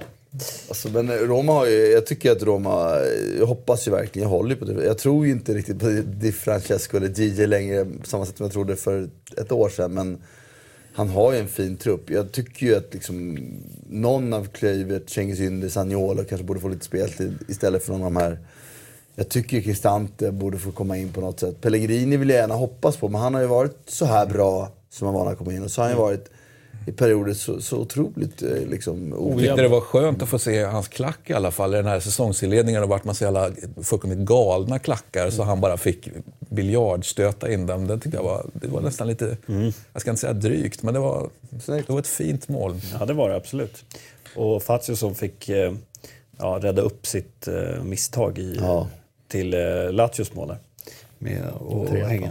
Han spelar sakta men säkert eh, liksom igång sig. Det är det. Jag, jag, jag, hade den diskussionen eh, senast igår på, på Arja Piccola tror jag, om att just liksom Fazio, hur... hur eh, alltså det finns ju en del Fazio-skeptiker där ute, så finns en del som tycker att Fazio ändå, om det är någon som ska leda Romas backlinje med nuvarande spelarmaterial, så är det ändå Fazio som är den ledaren med sina pros and cons någonstans. Och jag, jag, jag, jag tycker inte man ska vara för orolig. Men de behöver en mittback till. Han, ja, de behöver en mittback till, absolut. Va? Men han spelar sakta men säkert i- igång sig. Alltså, och, ehm, Manolas håller på med helt andra grejer. Han spelar ju alltid mot sig själv, så känner jag. Liksom. Alltså, det är en match i matchen.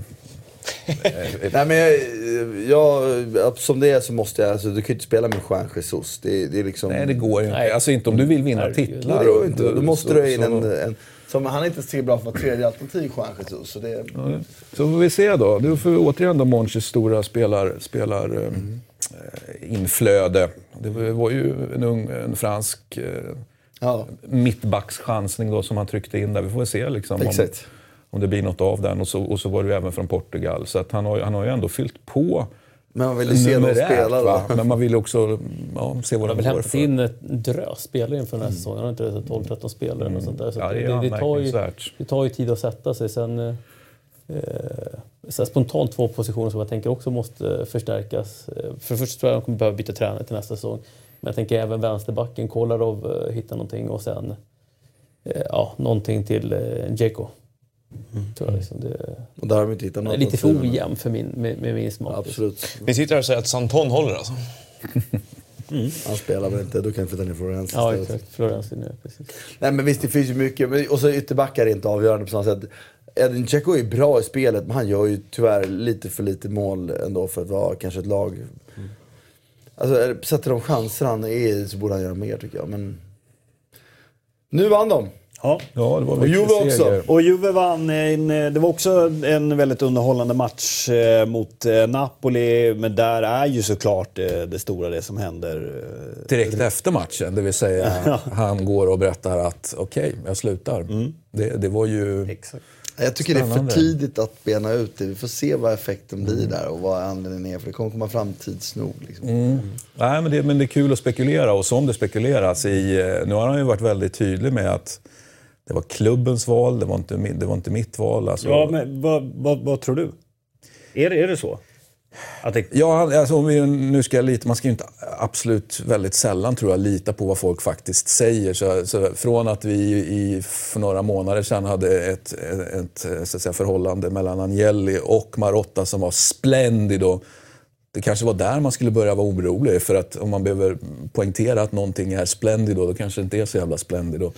Till att de inte är i, i, i samklang nu och det var ju hans, hans ordval. Så att det är ju ganska ja, någonting har skurit sig. Och spekulation, alltså vad har hänt under tiden som skulle kunna ha gjort att de inte är i samklang då?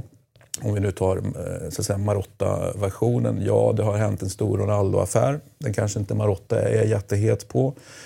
Det diskuteras ju om att du har hans, hans eh, så att säga, sidekick är kanske sugen på att steppa upp och kanske har skaffat ett ännu bättre förhållande till, till Agnelli än vad Marotta har, det vill säga Paratici. Det har diskuterats att, att Marot, en, en, en eh, erkänt korrekt Marotta någonstans inte riktigt gillade Agnellis hantering av de här Ultras-biljetterna som det var diskussion om. Tror du säger skilsmässan? Förlåt? Jag trodde du skulle säga skilsmässan. Ja, ja det kanske inte heller. Det, var, det, det fanns väl andra i Juventus-ledningen som inte var nöjda med den då. Eh, och, och vad är då Juventus-versionen och, och Agnelli-versionen här är ju att ja, men nu är det, det är föryngring som gäller. Och han är född, eh, vad är han, 57 tror jag. Mm. Och eh, han är ju en av två VD i, i Juventus och, och, det ska ju väljas ny styrelse nu 25 oktober. Eh, han är sport-VD, det finns en ekonomisk VD, det vill säga administratore delegato på, på italienska. Båda de två byts ut. Så att det är ju också ett argument för att ja, men han vill ha en föryngring helt enkelt. Ja, men, ja, jag tror du bör, nu börjar vi närma oss det som jag tror är, börjar bli kärnan i någonting här. Det, det är ju, Marotta har ju med tiden kommit längre och längre för själva sporten. Alltså det är ju, han har en övergripande ansvar, men det är ju Paratici som har haft en större... Alltså, så det tycker jag är någonstans... Jag ser logik i att klubben har, har utvecklats i den rollen som Marotta är idag. Och du pratar om ekonomiskt, det, det, det är en annan typ av klubb idag. De behöver någon som driver bolaget, varumärket Juventus. Woodward! Det är möjligt att det finns någon anledning kvar för Marotto, men då är det ett kliv ner han ska ta. Jag tror att det är den typen av förändring vi pratar om. Ja, det är vi får väl se organisatorisk de, förändring. Det är vad jag tror. de ligger. Men de var ju dock två VD, vi får vara tydliga Som ska med, bli en nu förmodligen, ja. Så, ja det, och då blir det en nedvärdering. Och så tror jag bara att, att, i sin flytt uppåt så har han ju flyttats ut från det som är vad hans kärnområde. Jag tycker och jag tror att det är läge för Paratici att sköta den biten där han är ändå. Det är ändå det nätverket han sköter mm. själv. Jo, han är ju hands-on i det och så kanske möjligtvis Precis. Marotta har varit hjärnan och så vidare. Och vi har ju pratat om Paratici så många gånger tidigare att han har varit liksom högvilt för för det är ju alltid en andre gubbe för man tar alltid för givet att en andre gubbe vill någonstans bli första gubbe någon gång i alla fall. Sen om de pallar eller inte, det vet man aldrig. Men här har ju varit prat om både Real Madrid, de bästa i, i, eh, i England och så vidare. Så Paratici så länge han har varit andregubbe har ju varit högvilt. Det är kanske ett sätt att försäkra sig om att Paratici ja, men... faktiskt stannar kvar och att han är viktigare än Marotta. Du, du, gissningen är att vi ser den här organigramma, eller vad den här, mm. när den dyker mm. upp. Att det kommer vara en vd-position och så kommer den positionen som Marotta hade, den kommer vara ett steg längre ner. Den kommer Paratici köra för det är ett steg upp för honom. Mm. Och det är typ en sån typ av föryngring. Jag tycker det är fullt logiskt att om det är det det landar i, för det är vad jag tror att det landar i. Eh, och det är fullt logiskt. Jag tycker det är ett, så, också ett utmärkt exempel på en klubb som vet vad de vill och vad de ska. Liksom. Fungerande klubb. Lär inte det, det håller jag verkligen med om. Alltså, man kan ju, var det, det är lätt att, tid, liksom. Exakt, var sak. Och det är precis det vi pratade om tidigare när, när vi sa sälj, sälj, sälj. Det här är ju motsvarigheten på, på klubbledningsnivå. Mm du ska ju inte förändra det när det redan har gått åt helvete eller det börjar, när det börjar gå ut för eller det börjar liksom knaka i fogarna. Proaktiva förändringar. Nu när allting bara är, är liksom till synes strålande, ja, men då går man in, vet vad man vill, gör förändringen. Du ska kanske konkurrera med Man United om, om att vara varumärket i världen och då är inte den här typen av uppsättning de har haft. Det, det är min logiska slutsats. Ja, om, om, vi går till sportsliga matchen, mm. som här och nu är intressantare tycker jag. Så, måste säga att jag, jag, var väldigt glad första kvarten. Jag tyckte vi spelade, Napoli spelade en väldigt rolig fotboll. Men tids nog blev det väldigt smärtsamt medveten om också att det går inte att spela ett 4-4-2 på det här sättet med Hamsik centralt i mittfältet. Det är en gåta. Det var en gåta för mig inför matchen. att inte Diawara spelade, som var riktigt bra i veckan också. Mm. Diawara, Allan kan hantera ett centralt mittfält, de två. Mm. Eh, och då kan man ha en Zielinski som flyter in på kanten. Du kan spela med de två forwards. Jag tror inte att svaret var att spela Milik på topp från början, för jag tycker inte Milik är bra nog. Utan det blir landat lätt. För mig det stora problemet är att vi hade behövt ett bättre skydd centralt i banan än vad vi hade. Om det fortfarande inte hade funkat, ja men då hade vi kanske kollat på Milik. Och jag tycker också att, att Juventus efter 1-0 målet sen steppar upp. Riktigt, de är riktigt, ja, de äger riktigt det ju jävla fullt bra. Alltså. ut. Faktiskt. Jag känner ingen liksom, skam att förlora den. Och Ronaldo var, skulle jag säga, bättre än man har varit på tre säsonger i spelet. Liksom kanske är läge snart att börja, man ska ju aldrig hoppas på skador, men alltså en, en skada på Hamsik kanske börjar bli lite, man, man, borde börja bli lite sugen på den.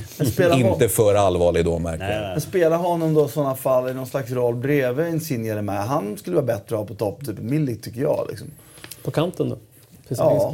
Det skulle också funka. Mm. Men då Zielinski spela, då kan spela Erland och Zielinski heller centralt. För det kommer bli två som måste gå. Mm. Och det här har vi också att göra med spelare som precis som Milinkovic Savic var vad vi kan bedöma hyfsat nära att gå under sommaren och han blev kvar under, och vilka omständigheter Zielinski. var det? Nej, jag tänker på, jag tänker på Hamsik. Liksom, mm. liksom, vill han gå till Kina eller vill han inte gå till Kina? Alltså, man vet ju inte riktigt. Vi kan bara konstatera att det var det verkade vara rätt nära att han faktiskt gick och sen precis på slutet så, eh, ja, så gick han inte av någon jävla anledning. Så att man vet ju inte riktigt vad det ställer till i, i, i, skallen på. Han har ju varit här så länge och har ju en ställning så att det borde, kan man tycka, inte ställa till det i skallen tror, på honom. Men... Jag tror inte det. För jag, jag, jag tycker ändå under förra året att han många matcher Alltså jag tyckte han fick för mycket speltid förra året, Asari. Ja, jag, tycker jag. Det. jag tycker att Zielinski var bättre än honom förra året. Och, Då har han en, en ställning som gör att de tycker att de inte kan peta på honom tillräckligt. Ja, men lite, och det är ju så, inte bra om det är så. Nej, helt optimalt är det ju inte. Sen så finns det ju andra värden som sagt. Och det är fortfarande inte så att han är usel. Utan så här, hade de spelat på ett annat sätt så hade priset inte varit lika stort. Jag tycker dock att han har visat att han inte ska spela central mittfältare. Han är inte dålig på det, det tycker jag inte. Men men inte en av två, kanske en av Nej, tre kan han exakt. Och, och, knappt en av tre eftersom det finns någon som är bättre. Mm. Men där klarar han det. Men det blir smärtsamt lite så att... Speciellt när jag tycker att Diawara var så bra i veckan. Liksom. Mm. Varför inte spela någon vidare då? Liksom? Han byttes ju ut nästan konstant förra säsongen, alltså runt 60-70 ja. minuter av, av Sarri. Liksom. Det var ju som standardbytet. Eh, och det enda som, räddade, enda som räddade honom att spela då var ju att Zielinski, när han startade, aldrig var riktigt... Eller det tog flera matcher innan mm det var ju först i slutet av förra säsongen Zielinski var bra när han startade. Han var ju bra när han kom in hela tiden. Så Zielinski fick ju chansen att ta Hamsik plats. Var inte riktigt bra de matcherna. Inte Rog heller för den delen. Nej, och han... Inte Nej, tyvärr. Alltså. Det har inte lyft det. Men samtidigt sagt, att förlora mot, mot Juventus borta med 3-1 i en match som var riktigt, riktigt bra. Där är ligan avgjord nu då? Klart det är. Var den innan säsongen började? Nej då. Nej då. Så det på är avgjorda. Alltså, Juventus är fortfarande... Det är Juventus som spelar för vinna eller förlora. Men eh, de måste ju fortfarande fortsätta vara bra liksom. Men de är ju bättre än vad de har varit någonsin. Sen... Det är självklart. Någonsin. Alltså jag, när, när, när Ronaldo blev klar så tänkte jag i oktober så är det här avgjort. Och nu är vi där. Det är matematiskt dåligt på räkna. Ja, ja, det.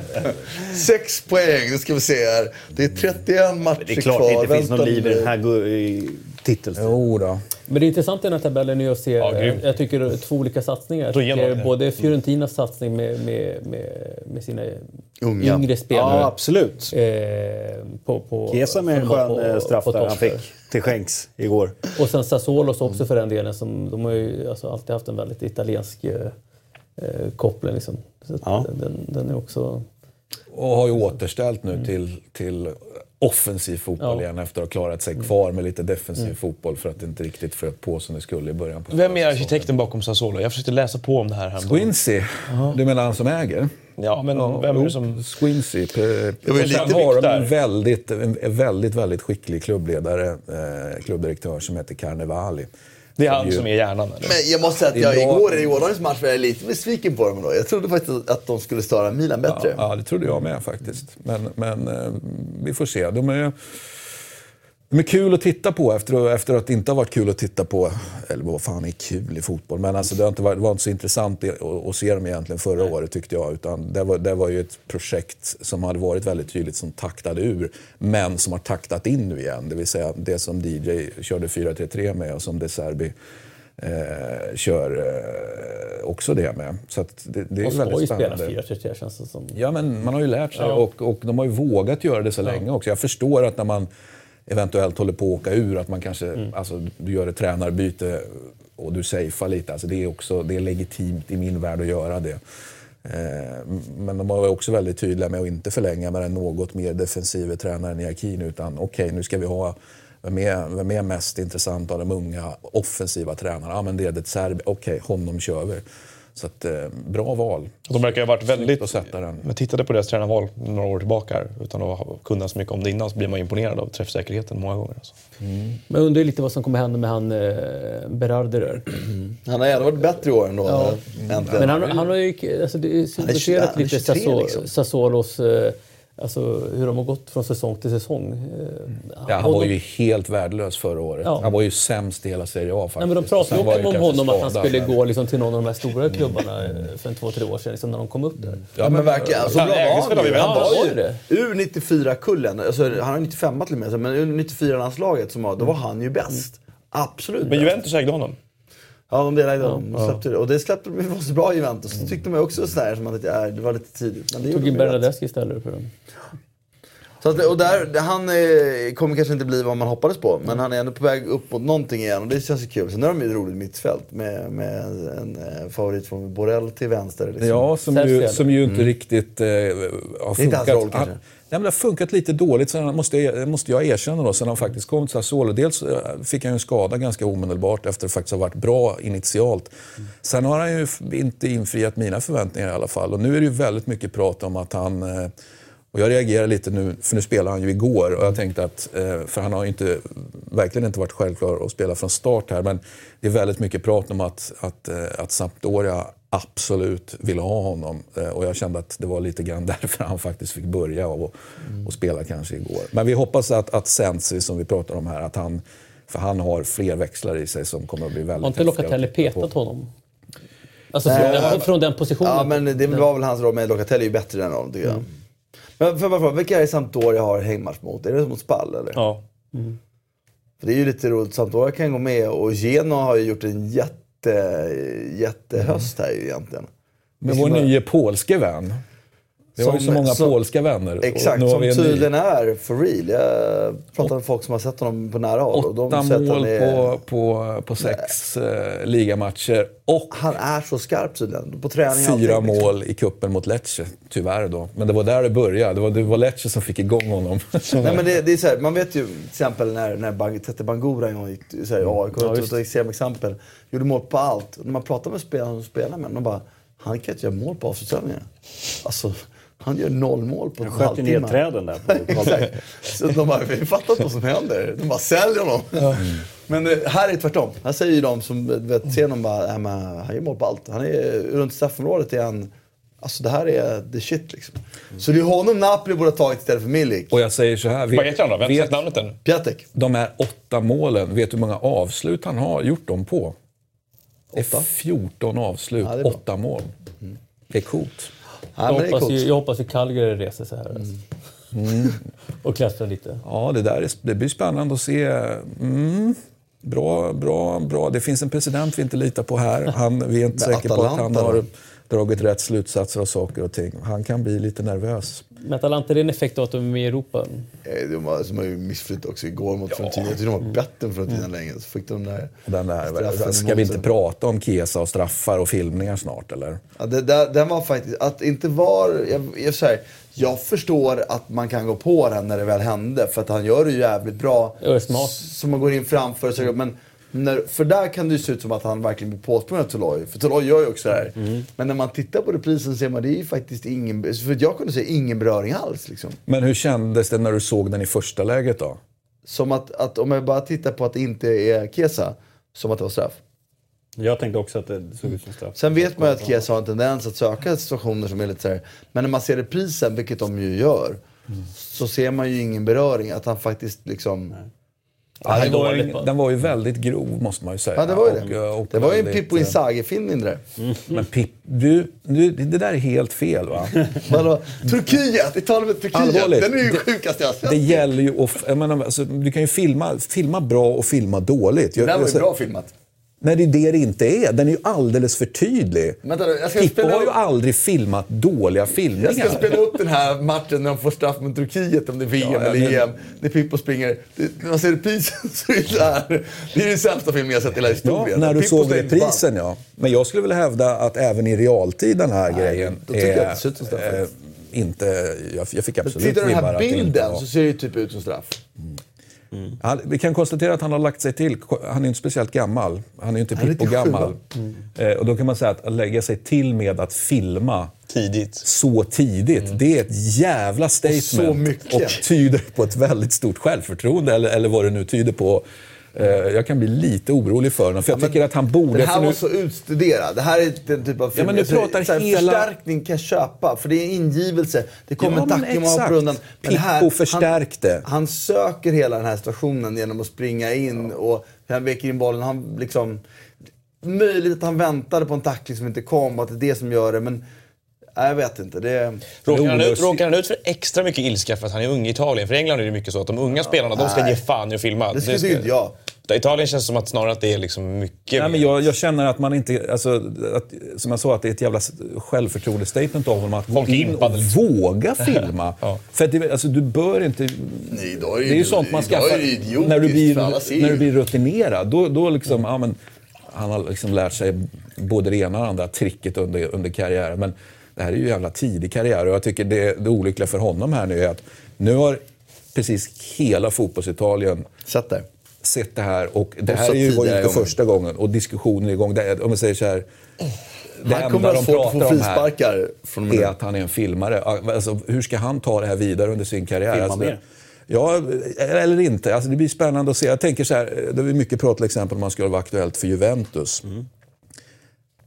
Kan Juventus ha en, en, liksom en superfilmande Chiesa i sitt De lag? behöver ju inte filma, de får ju straffar ändå.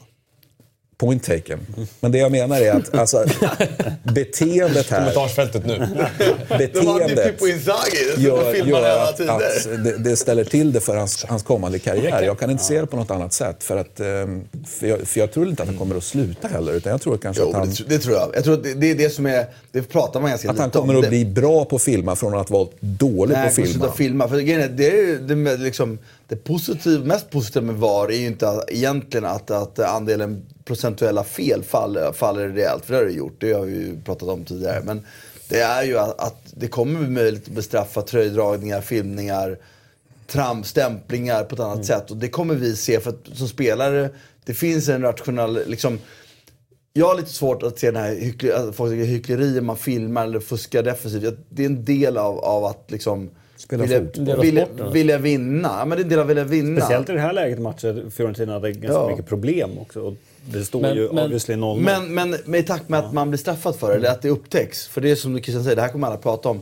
Det gör ju att folk tänker sig ett varv till och då, det automatiskt kommer i alla fall minska. Det försvinner ju aldrig. Men Kommer han skyddas mindre nu av domarna? Jag tänker tror det. Som Neymar, alltså som, Jag tror det. som åker liksom... eh, Ja, jag tror att det kan vara en Det är effekt det. Så, såg ni den, på tal om Neymar och ehm, det klippet som kom på, från landskamp mellan USA och Brasilien här nyligen, förra landslagsuppehållet. Så, så var det en, duell mellan DeAndre Edlin och Newcastle. Jag såg det här för att det gick runt i Newcastle-kanaler. DeAndre Edlin går in i närkamp med Neymar och Neymar ah, flyger ut med vante liksom, typ, och lägger sig ner och rullar runt efteråt. Och domaren kom fram och, och tar ett snack med Edlin. Och man, då har de då läppläst när Edlin och han bara “Såg du inte VM?” till domaren. Och domaren skrattar tillbaka. Bra. Ja, eh, Du ser, det Härligt. kostar. Noterade också att Svalberg gjorde en bra match för Assist. eh, Bologna. Han hade väl skott i ribban och han gjorde en bra match tycker jag. Han gjorde en bra match. Det som möjligtvis var lite jobbigt var ju att han som eh, blev inbytt när han gick ut gjorde ju mål. Så att, eh, Han är ung. Han är nej, men jag håller med, han såg, såg bra ut. Bra, bra gjort. Bra, gjort. Tog plats. Absolut. Hjälp! Tar vi plats i Spanien.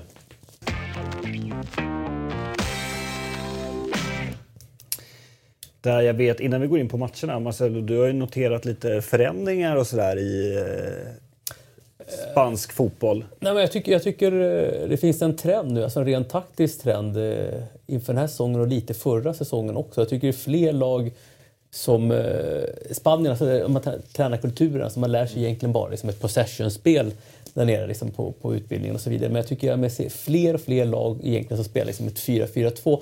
Inte det 4-4-2 som vi är vana med här i Sverige med liksom korridorspringare utan man pratar om interiores, alltså innerlöpare, alltså falska yttrar som kommer in. Och egentligen för att skapa liksom ett numerärt överläge, att man blir fyra på innermittfältet. Och man ser fler och fler lag, jag tror nästan hälften av lagen räknar det till, eh, spela på det sättet. Det blir som en 4-2-2-2. Liksom. Ja, lite, alltså, lite inspirerad egentligen hur, av Zagallos 4-4-2 när de vann Brasil, eh, när de vann eh, Allting eh, går i cykler. Det gör ju det. Eller Herbert Chapmans Arsenal där 1930. Spring ja, inte ner till hörnflaggan. Gå inåt, ja. sök dig inåt, sök dig inåt, sök dig inåt. Hjulet fanns. Man har tydligen sett de här matcherna. Man sätter mycket de här liksom kreatörerna ute på kanten, att de får komma in och liksom... Äh, det, det tycker jag är jätte... Javi Grazia gör ju, apropå alla inspelade spansk, så mm. gör han i alla fall i, i ja, Watford. I Watford. Mm. Och då vet vi liksom att Spanien har ju, har ju, i alla fall om man tittar tio år tillbaka, alltid liksom, det har varit ett 4-3-3 ja. eller ett 4-2-3-1. Eh, och det är det, liksom man har, det är det man känner karaktäriserar spanska lag. Liksom. Och nu lite mer att man, man sätter eh, två toppar. Och sen tycker man kan se tendenser i vissa spanska lag att man börjar bli bättre på omställningsspelet. Valencia fick ju eh, enorma liksom, framgångar med det förra året med, med ett snabbt omställningsspel på, på två eh, ja, djupledsgående forwards. Och två mittfältare, Guedes som absolut, mm. Så det, det, är intressant att se de här liksom, taktiska trenderna, hur, hur det förändrar sig. Mm. Alltså, då, det räcker inte gå 10 år tillbaka i tiden. Jag skulle säga att det går 30 år tillbaka i tiden så spanska lag spelat med en, en striker och en mm. bakomliggande forward. Alltså, Tänk vad skönt för alla dessa strikers att inte behöva vara ensam längre utan att ha lite sällskap där allra längst fram. Mm. Det är fint. Ja, men, eh, ja, men fan, det är svårt. Det olika tag. Ja, Barcelona är ju också en variant av det. Med, men där Messi blir en av då som flyter helt fritt. Så det, man kan diskutera ja, sen, om han blir ensam eller inte, ja, men, men utgångspositionen är ändå Sen finns det ju, sen både, sen tror jag att man ska, när man pratar om det här måste man också prata om att eh, du ställer upp på ett sätt när du anfaller och sen kan du faktiskt ändra skepnad när du försvarar. Jag tycker Chelsea i helgen är ett tydligt exempel. Där de anfaller 4-3-3 men försvarar 4-4-2. Och, det, och det, det, gör man ju många spanska lag också. Du kan se det som när Messi spelar, när Barca spelar 4-3-3. Du ser ju aldrig honom liksom dubbla på, på kanten. Liksom, utan då, då ligger han och fiskar där uppe och så vrider man på, på fältet lite. Och fler och fler spelare centralt. Det är det mm. det ska vara. Liksom. Kanterna snart Det är en gammal Åslund-käpphäst det. Det är centralt. Ja, det var ju det jag svor över när jag själv spelade fotboll på 90-talet. Att inte mm. tränare fattade. Vad fan har vi spelat på kanterna för? De avgör ju ingenting. Liksom. Mm. Det kan ju vara när vi äger matchen, då behöver man kanterna. Men man måste man, äga matchen centralt. Ja, ja men precis, precis. Du vinner liksom, det, det är ju hela den spanska filosofin. Alltså någonstans du vinner liksom matchen i, mm. på, centralt på fältet. Om man tittar liksom trender. Lite, lite, eh, många tränare liksom börjar flytta in sina yttrar. Om du tittar liksom på Guardiola, han jobbar ju precis tvärtom. Hans yttrar ska vara brett. Liksom. De, de står Men han gör ju tvärtom med sina ytterbackar också. Ja, ja, Tänk på det. De kliver in så. Och det börjar inte med City, det börjar med Bayern München. I helgen var det helt sjukt. Kyle Walker var ju regista. Alltså han stod och bara pingade bollar till höger och vänster från Men då ska, man, då ska man ju tänka på varför han har gjort det. Alltså det är inte intressant att han gör det. Guardiola har liksom lärt sig egentligen av sin första säsong att de var faktiskt för dåliga liksom, på andra bollar. Och i och med att han flyttar in ytterbackarna och har balansspelen där också, då är de tre stycken. Han dissade ju andra bollsvinster när han fick kritik för det förra säsongen. Men, ja, det här är typ av fotboll? också. Mm, ja. men, det tror jag, men det är klart det har med det att göra. Det här gjorde han ju även i Bayern München och det är ju också en sån här grej. Och det tror jag inte bara hade med andra bollarna att göra, det har också lite med karaktärerna på spelarna att göra. Jag tror också att han i slutet av Barcelona, lite, att det inte gick att spela bort lag eh, som stod lågt bara. Du är tvungen att ha någon form av, men här, Barcelona var ju extremt, att det var, det var många passningsspelare. Men där började ni använda Coman, som jag inte tycker är en bra mm. passningsspelare. Han är duktig en mot en. Han använde Sterling, han använde Sané, han hade den typen av Rob, Rob, Robben och Ribéry. Mm. Som de spelarna ska lösa upp lågt spelande lag. Mm. Och då måste du ju, precis som då kan du ju inte ha ytterbackar som går brett. Nej. Då måste de komma in. Mm. Lam och Alaba mm. spelade ju också sittande mittfältare. Liksom. Mm. Och jag tyckte jag, den, den typen av rörelse gillade jag som fan. Alltså. Mm. Och sen är det också en, liksom, att det blir en, en under, understödsposition mer. Och det understödet är ju värdelöst på kanten, om du förstår att det här är linjen, ytter, ytter. Den ska ju vara där liksom, för att kunna ha nytta av det. För därifrån har du inte vunnit någonting. När du vänder tillbaka. Och sen är andra stationen, i andra positionen att du har ju folk mm. som ligger rätt ytor. Liksom, så. Ja, men det intressanta är det också just eh, Alltså just det här kortpassningsspelet är ju mindre risk. Han har ju sagt det många gånger. Liksom en pass från mig till Martin är det, alltså det är mindre risk. Däremot ska jag slå en långboll så kommer jag, alltså det är en 50-50 boll. Har du, mycket, har du, ja, ja, precis. Och har du många spelare runt bollen, ja, men, visst du missar en passning men det genererar också att du liksom snabbare kommer in i, Mm. i pressspelet och kan faktiskt vinna tillbaka.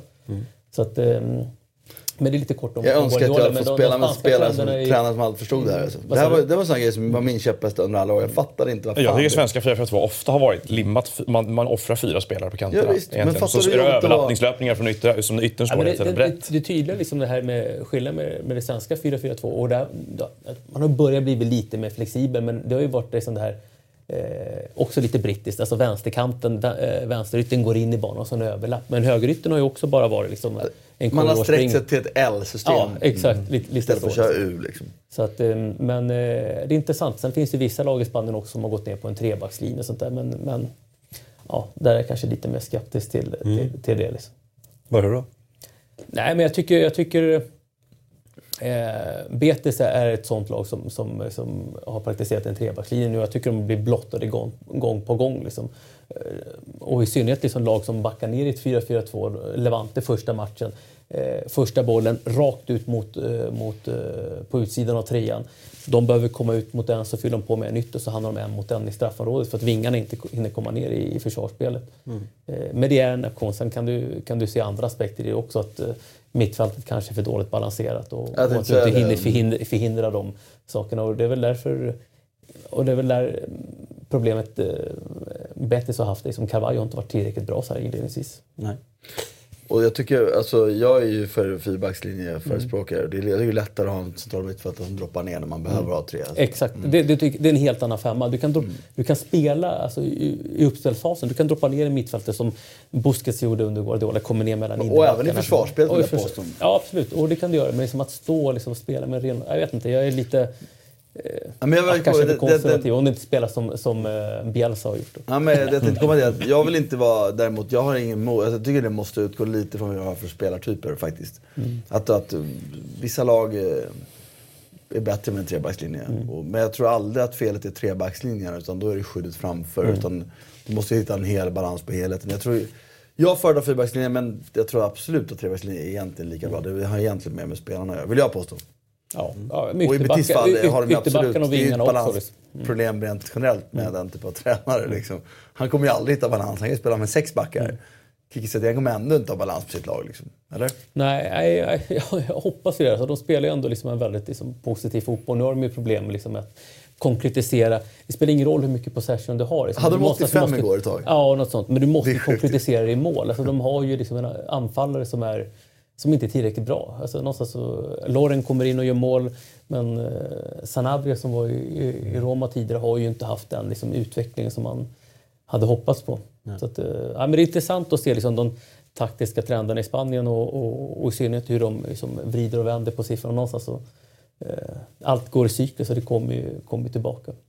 Just på Spanien, där tycker jag det synts i, i omgångar lite grann i Europaspelet. Att när de, de engelska klubbarna som jag ofta jag har varit härmat ganska mycket då, i efterhand, de plockar ju dit tränare allt eftersom när de väl har lyckats. Så de är ju aldrig i framkant. Så de kommer ofta i andra våg och då har oftast någon ny, någon ny, nya saker tagit över runt om i Europa. Så när de engelska lagen ska ut och möta dem då med idéer som har hunnit få några år på nacken från de andra länderna så får de stryk av de nya. Så de ligger alltid året efter nästan. Sådär. Nu är det väl kanske lite annorlunda i och med att tränar, tränar eh, vad säger man, floran är uppdaterad i England på ett annat sätt än har varit tidigare. Men nu, jag kunde verkligen uppleva det tidigare, att jag tyckte det var återkommande grejer att även engelska tränare tog till sig av idéer från till exempel Spanien, kom ut i Europa och då hade de sprungit vidare redan och så fick man stryk istället. Ja, det är i alla fall absolut så att Spanien är... Ligger i framkant. Ja.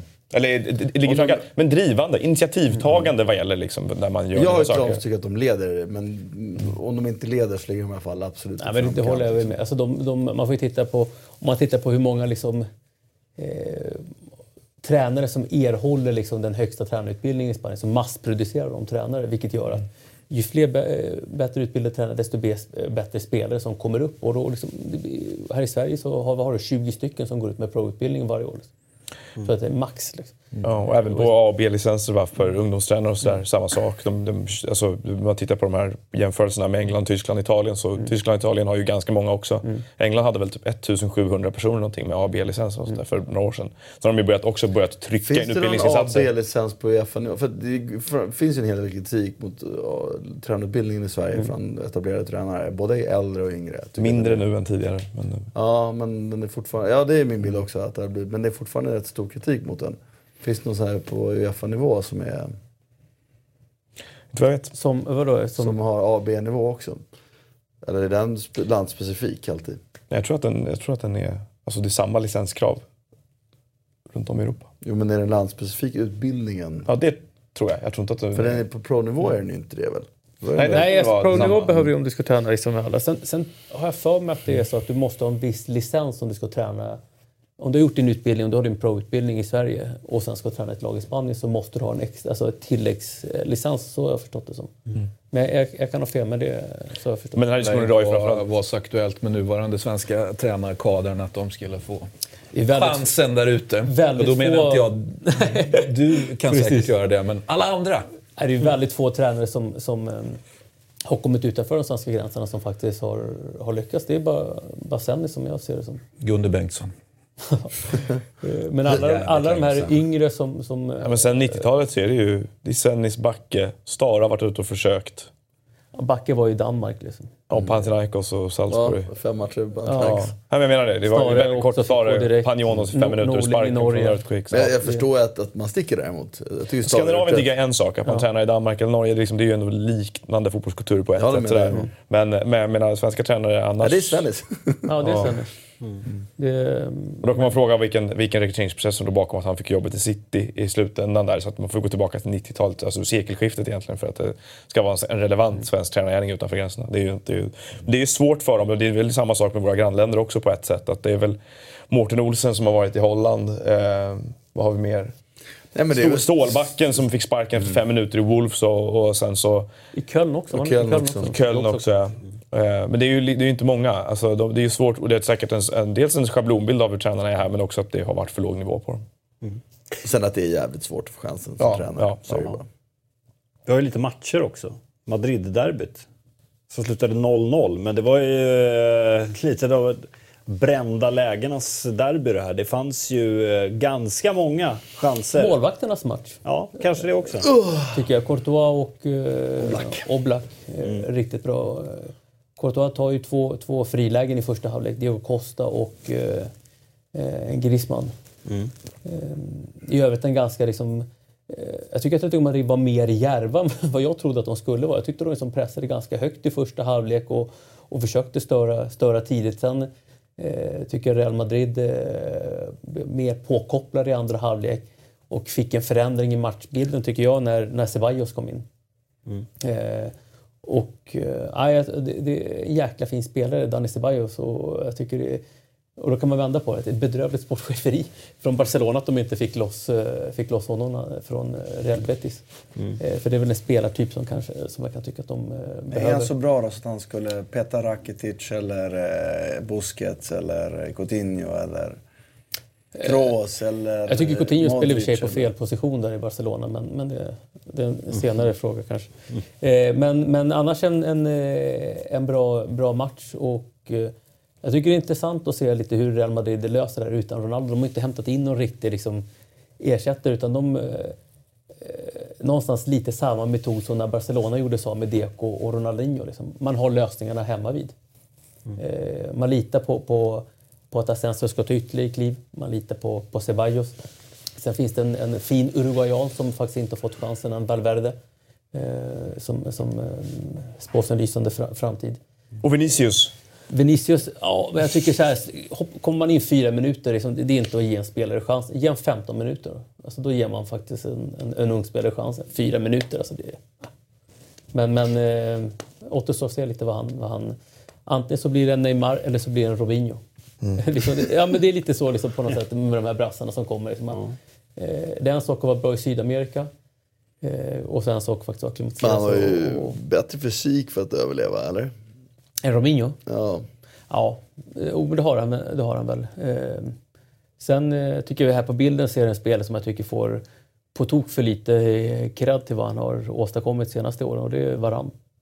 För lite. Han rankas väl som världens bästa mittback. Ja, men jag, ty jag tycker inte liksom man lyfter upp det tillräckligt mycket här i, här i, här i Sverige. Liksom. Jag tycker, Jag ofta så pratar man om. Sergio Ramos, man pratar om eh, Umtiti i, i franska landslaget. Jag tycker man måste faktiskt... Eh, han är, vad är han, 24-25 eller sånt där. Okej, Eh, vi vill påstå att det är världens bästa mittback i alla fall. ja, nej, Ja, men han borde, ju, han, borde ju, han borde ju kunna vinna Ballon d'Or efter sitt senaste år Ja. till exempel. Det är ju, och det är ju inte ens, det känns som att det knappt Han känns inte ens i närheten. Nej, jag håller med. Eh, Och för att gå till matchen, tycker jag, jag håller med. Jag tycker att Atletico Madrid är bra i första halvlek. Jag börjar mer och mer känna att Noah är någonting. men men eh, Tippat sen i andra, tycker jag, jag tycker också att Real Madrid i andra halvlek är bättre. Och jag, det sista måste säga att det är roligt att se hur han coachar Simeone. Han gör ju samma grej ganska ofta. Han, han, när matchen är svängt över till Real, till Real Madrid förare så, så säkrar han ju upp den. med tar, in en, tar in en femte mittfältare. För att sen i slutet, när han fått kontroll på matchen, då gör han in med forward till. Han gör ju ofta den här. Jag tycker alltså det är missas och det, det är ju egentligen ganska logiskt enkelt att göra det. Jag har inte kontroll på matchen centralt. In med To- Thomas det som ska spela före Rodri. Inte för att Rodri är grym med bollen. Rodri var en av anledningarna till att de ägde matchen, eller ägde fel men att de var med så pass bra i matchen i första halvlek. Men han är ju inte, han kommer inte, han har ingen dynamik så här. Du vet, när Saul och, pa, Thomas hinner upp i press där så står ju Rodri still. Så det är alltid den som är emot Rodri har alltid tid med bollen. Och det tycker jag är farligt att spela mot Real Madrid. Men då säkrar han upp det med en central mittfältare till. Och i slutet så, så vrider han till det igen med en forward till. Alltså. Jättebra matchcoachning. Det, eh, du nämner en spelare, Rodri. Jag tror att det är, liksom, eh, det är en wow-spelare. Alltså jag tycker han är förbannat bra med boll. Han ger egentligen Atletico Madrid en annan dynamik. Alltså ofta som man pratar om Atletico Madrid, eh, lite som Liber, bra presslag och liksom bra defensivt och liksom kan ställa om och så vidare. Eh, med honom får man ju en helt annan dynamik. Man får lite, ett mer liksom bollhållande mittfält eh, med honom. Jag tycker... eh, Men, vad, men det, där- håller jag med om. det där men är- ja, tyckte du att det var värt... men Du förstår vad jag menar med att han inte Ja, nej, press. Han jag dödar inte det, jag förstår det. mot Alltså, Real Madrid. det ger, det, det ger på ett sätt liksom att de kan andas lite mer. Men det gjorde de inte i andra halvlek. Och sen, Då nej, inte andra halvlek. alls. Och då bytte de ut honom. Liksom. Men, men i första halvlek så, så, så kan de andas lite mer, eh, få lite mer possession. Så att det ger det. Liksom. Men sen tappar du givetvis i pressspelet och försvarsspelet. eh, Så att, eh, det är lite hur han vill. Men däremot så tycker jag han läser bilden, matchen jättebra. Simeone i det här fallet.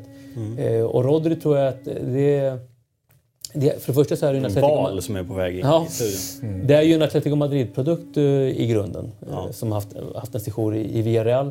Eh, tror att det kan vara liksom Busquets eh, ersättare så småningom i landslaget och skulle inte förvåna om man slutligen kanske hamnar i City. Liksom. Att det är liksom en Guardiola-spelare med, med de egenskaperna. med. Bra längd, bra fysik, eh, bra igångsätt. Det blir sällan stressande när han är under press. Och det är liksom... Eh, det, det var fint att se honom. Sen, eh, eh, sen tycker jag liksom han, han gör det klokt, Simeone. Liksom, oftast i de här matcherna där det står och väger lite så, så har han liksom Kocke på ena kanten och oftast skickar han ut Saul i de andra liksom, för att eh, sätta in två mer grovjobbande på, på mittfältet. Men jag håller med om Rodri, men jag tänker inte i sån här match. Nej, nej, nej, men- han men- ska spela när de ska spela ut Villarreal hemma, S- Valencia hemma. Men jag skulle inte ha startat med honom och det höll på att kosta tyckte jag. Mm. Liksom. Men det var visst, han läser bra. Och det, jag håller med om att det är ju på sikt en eh, Guardiola-spelare. Sen finns det en liksom. annan spelare som gjorde en kanonmatch här också i Atletico Madrid som, man, eh, som också hamnar lite i skymundan och det är José María Jiménez, eh, mittbacken, uruguayanska mittbacken till Godin. Eh, en typisk mittback, alltså eh, uruguayan liksom. Alltså, viker aldrig undan, tuff i duell, bra, bra liksom på fred i eget straffområde.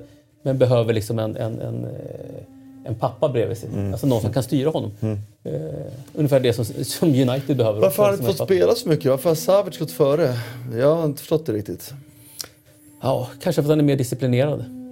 Det är väl det jag Men ser hyfsat ung eller? Vad är han? Ja, 95 Ja. Så han, han var ju med och spelade, men Savic var ju, trodde jag, andra val. Men senast- tänker om det finns en förra sån- säsongen helt klart, men även Att man tycker att han är för rabiat, Savic liksom. varit, varit före. Det förvånar mig lite. Savic är jag en begränsning med. Liksom. Jag, ja, jag gillar Jiménez eh, helt klart eh, bättre. Liksom. Men, men han är lite vet, Han kan vara lite för liksom, aggressiv. Det blir för mycket hjärta ibland och då, då kan det bli lite onödiga varningar och, och dylikt. Liksom. Men det är en del av hans spel. Det är det som gör honom delar bra. av hans spel och han är fortfarande ung. 23. Och det är perfekt för, Ja, honom, att gå bredvid, perfekt för honom att gå bredvid Godin. Det, Det är ungefär som när Godin fick gå bredvid eh, Lugano i, i uruguayanska landslaget. Oj, oj, oj, oj. Fina grejer. Så att, eh, det, Lugano innan För det ska Häcken. man också ha med sig. Att Ja, att Godin har ju med åren också blivit med. Han har också varit en spelare som har varit, kanske därför de inte har spelat heller. För Godin har också varit en spelare som har varit rätt tidig på att lämna linjen. Han har ju chansat rätt mycket. Liksom, att, att, Det var ju Miranda jävligt bra att spela bredvid som då höll sin exakt, linje med. exakt. Så att det är klart att, att det med tiden att Godin har blivit försiktigare kanske det passar Jiménez bättre. När inte Godin hinner upp längre på något sätt. Ja, se upp för att Atletico i alla fall. Ja, nu är de ju med. Och jag säger det, Barcelona är ju... Alltså att de inte spelar bättre med det materialet. Alltså det, Man undrar ju där, för att det har ju hela tiden varit som en sorts spärr mot en... Att kritiken mot Valverde ska ta fart. Att de har fortsatt att vinna hela tiden. Man undrar hur många dåliga resultat han är ifrån att vända en rejäl opinion mot sig. För att det har hela tiden finns, ett latent missnöje med hur de spelar. Det märker man ju ganska mycket. Att, så att, ja, det som du har varit inne på och många andra också. Att, att, att det ser inte riktigt tillräckligt bra ut. Så, så länge de fortsätter vinna och som förra året när de gick obesegrade in i februari eller vad det för någonting. Liksom, så är det ju... Det är klart att den hålls tillbaka av allt det. Men i, i, undrar hur många dåliga resultat på raken det, det krävs för att det, det här ska liksom nå ytan mer. Inte många. Alltså någonstans i, jag har varit nere i Barcelona många gånger liksom, och, och, och resultaten är inte allt. Jag kommer ihåg när Luis Enrique var där, var, var där någon vända och sa ja, men vad tycker ni? Liksom, de, Nej, men det är värdelöst. Vi, vi spelar inte som Guardiola. Liksom. Det, bollen prio nummer ett. De kunde aldrig ta bollen av oss som under Guardiola. Och, eh, och spelet hackar även om resultaten eh, stundtals kommer igen. Nu har de ju haft tre matcher här med två poäng. Så i alla fall i, i staden så finns det ett missnöje och, och eh, de är inte tillräckligt bra. Alltså, det, det är kontentan. Liksom att jag är jätteskeptisk till Dembele. Att betala liksom över en miljard för en spelare med potential. Potential, du vet ju aldrig. Liksom, det, det, det är någonting som du tror på. Liksom. Du vet ju aldrig om det blir bra eller dåligt. Och betala så mycket pengar för en, för en spelare med en bra säsong i Dortmund. Ja, och. Coutinho, och Coutinho för andra delen också en, en, det är en bra spelare. Men eh, titta hur många matcher han har på ett innermittfält i Liverpool. Det är inte många. Det är inte många att ha honom Nej, som ska styra innermittfältet. Det, det, det är inte tillräckligt bra. Man har inte lyckats ersätta Xavi och Iniesta. Eh, och så är han rätt torbäst. Jag har sett honom lite, men det, han är ju mest lik någon som Ja. kan hålla boll och vrida Ja. och vända. Liksom. Ja, men för mig var det liksom, om det var någon spelare som skulle ta in i somras tycker jag, så var det Thiago. Det var liksom, det, någonstans, du måste ha det här Barcelona-DNA. och nu- Det är för... Försökte de inte det alls? eh, Det pratades om det, men sen, gick han väl, sen kom Vidal in och, och det tror jag i och för sig är, är bra i sig. Men jag tycker, eh, jag tycker att eh, Fast han När de fick- när de fick- i matchen i helgen. Alltså. när de fick tillfälle att sälja Rakitic nu i somras till PSG, frågade om inte de skulle ha gjort det. Alltså, och plockat in Thiago. Thiago. Ja, ja, den delar jag absolut. Och jag, jag tycker om Vidal som värvning. Jag gillar den typen. Jag, säger, jag går ofta tillbaka till, tillbaka till eh, Bakero var för mig en central spelare för Barcelona som spelar fotboll. Eh, och där, vi har pratat om Paulinho förra året som jag tycker inte var bra som spelare, men han fyllde en otroligt viktig roll. Och Vidal ska ju fylla den rollen ännu bättre, tänker Ja, men jag. det är som Keita under Guardiola. Ja, Du vet, man flyttade ut Iniesta på vänsterkanten, man satte in Keita och han fick hela tiden fylla på i boxen, fylla på i Ja, och boxen. fylla det är den på rollen- återerövringen, ja, Och det är den rollen Vidal ska ha. Men det, och det, det klarar inte, jag, jag vill inte ha Valverde kvar. Jag som är Barcelona-supporter vill inte ha honom kvar. Jag tycker att han får, dessutom tycker jag att truppen är faktiskt egentligen jävligt bra. Alltså. Det finns egentligen massa Abidal har olika- gjort en bra sommar där. Sen, eh, Men det finns massor att spela på. Du kan ju spela på många olika sätt. Och jag var ju kritisk mot, eh, eller så här, jag var så här, att lägga pengarna på Dembélé tycker jag är ett mindre problem. För med dagens transfer, transferinflation ska du köpa unga spelare. Mm. För att har du honom, du kan sälja, du får igen pengarna när du vill. Liksom. Du får igen en miljard om ett år. Inga problem. För honom tror du verkligen det? Ja, men transferinflationen kommer, garant- kommer ge dig den skjutsen. Du behöver Mm. inte oroa dig. Liksom. Det, det är bara, det är, köp en ung lovande spelare, håll honom två år så har du tjänat pengar vad han än gör i stort sett. Så funkar ju dagens... Eh. En tidsfråga innan de tar Arteta. Men vad ska jag, säga, jag måste säga att Dembélé ändå har varit bättre än vad jag trodde. Jag har varit, de- Dembélé har ändå varit bättre än vad jag trodde. Jag trodde aldrig han skulle starta ens i Barcelona. Men han har ändå varit bättre än vad Jag jag tycker han har ett beslutsfattande som håller allsvensk nivå. alltså. Absolut. Oh. Det, ja, men jag tycker faktiskt Alltså, det. men, förlåt, vänta nu. Han, det, så bra är han inte i sin beslutsfattning. Det kan jag säga på en gång. Alltså, för beslutsfattningen är inget fel på Allsvenskan. Det är den tekniska nivån i Allsvenskan som gör att beslutsfattningen inte faller så väl ut. Det är en annan Ja, jag tycker hans, alltså, när han kommer runt straffområdet. då liksom, Men jag håller med om det. Men han har ju tillfört horribel värde. liksom, kombinationsspelare också. Han tillför ett värde just nu ändå. Han har gjort en del mål. Utan honom så hade det ju aldrig sett de här poängskördarna ens. Jag tycker de ska flytta ut Coutinho eh, på kanten. Liksom. Men det, eh, det är intressant. Jag tror Valverde, han blir inte långvarig där den här säsongen. Och sen undrar man ju, du pratar om Arteta, jag pratar om Xavi Hernandez. Han kan inte vara många, han kan inte vara många tränare ifrån att bli eh, första gubbe.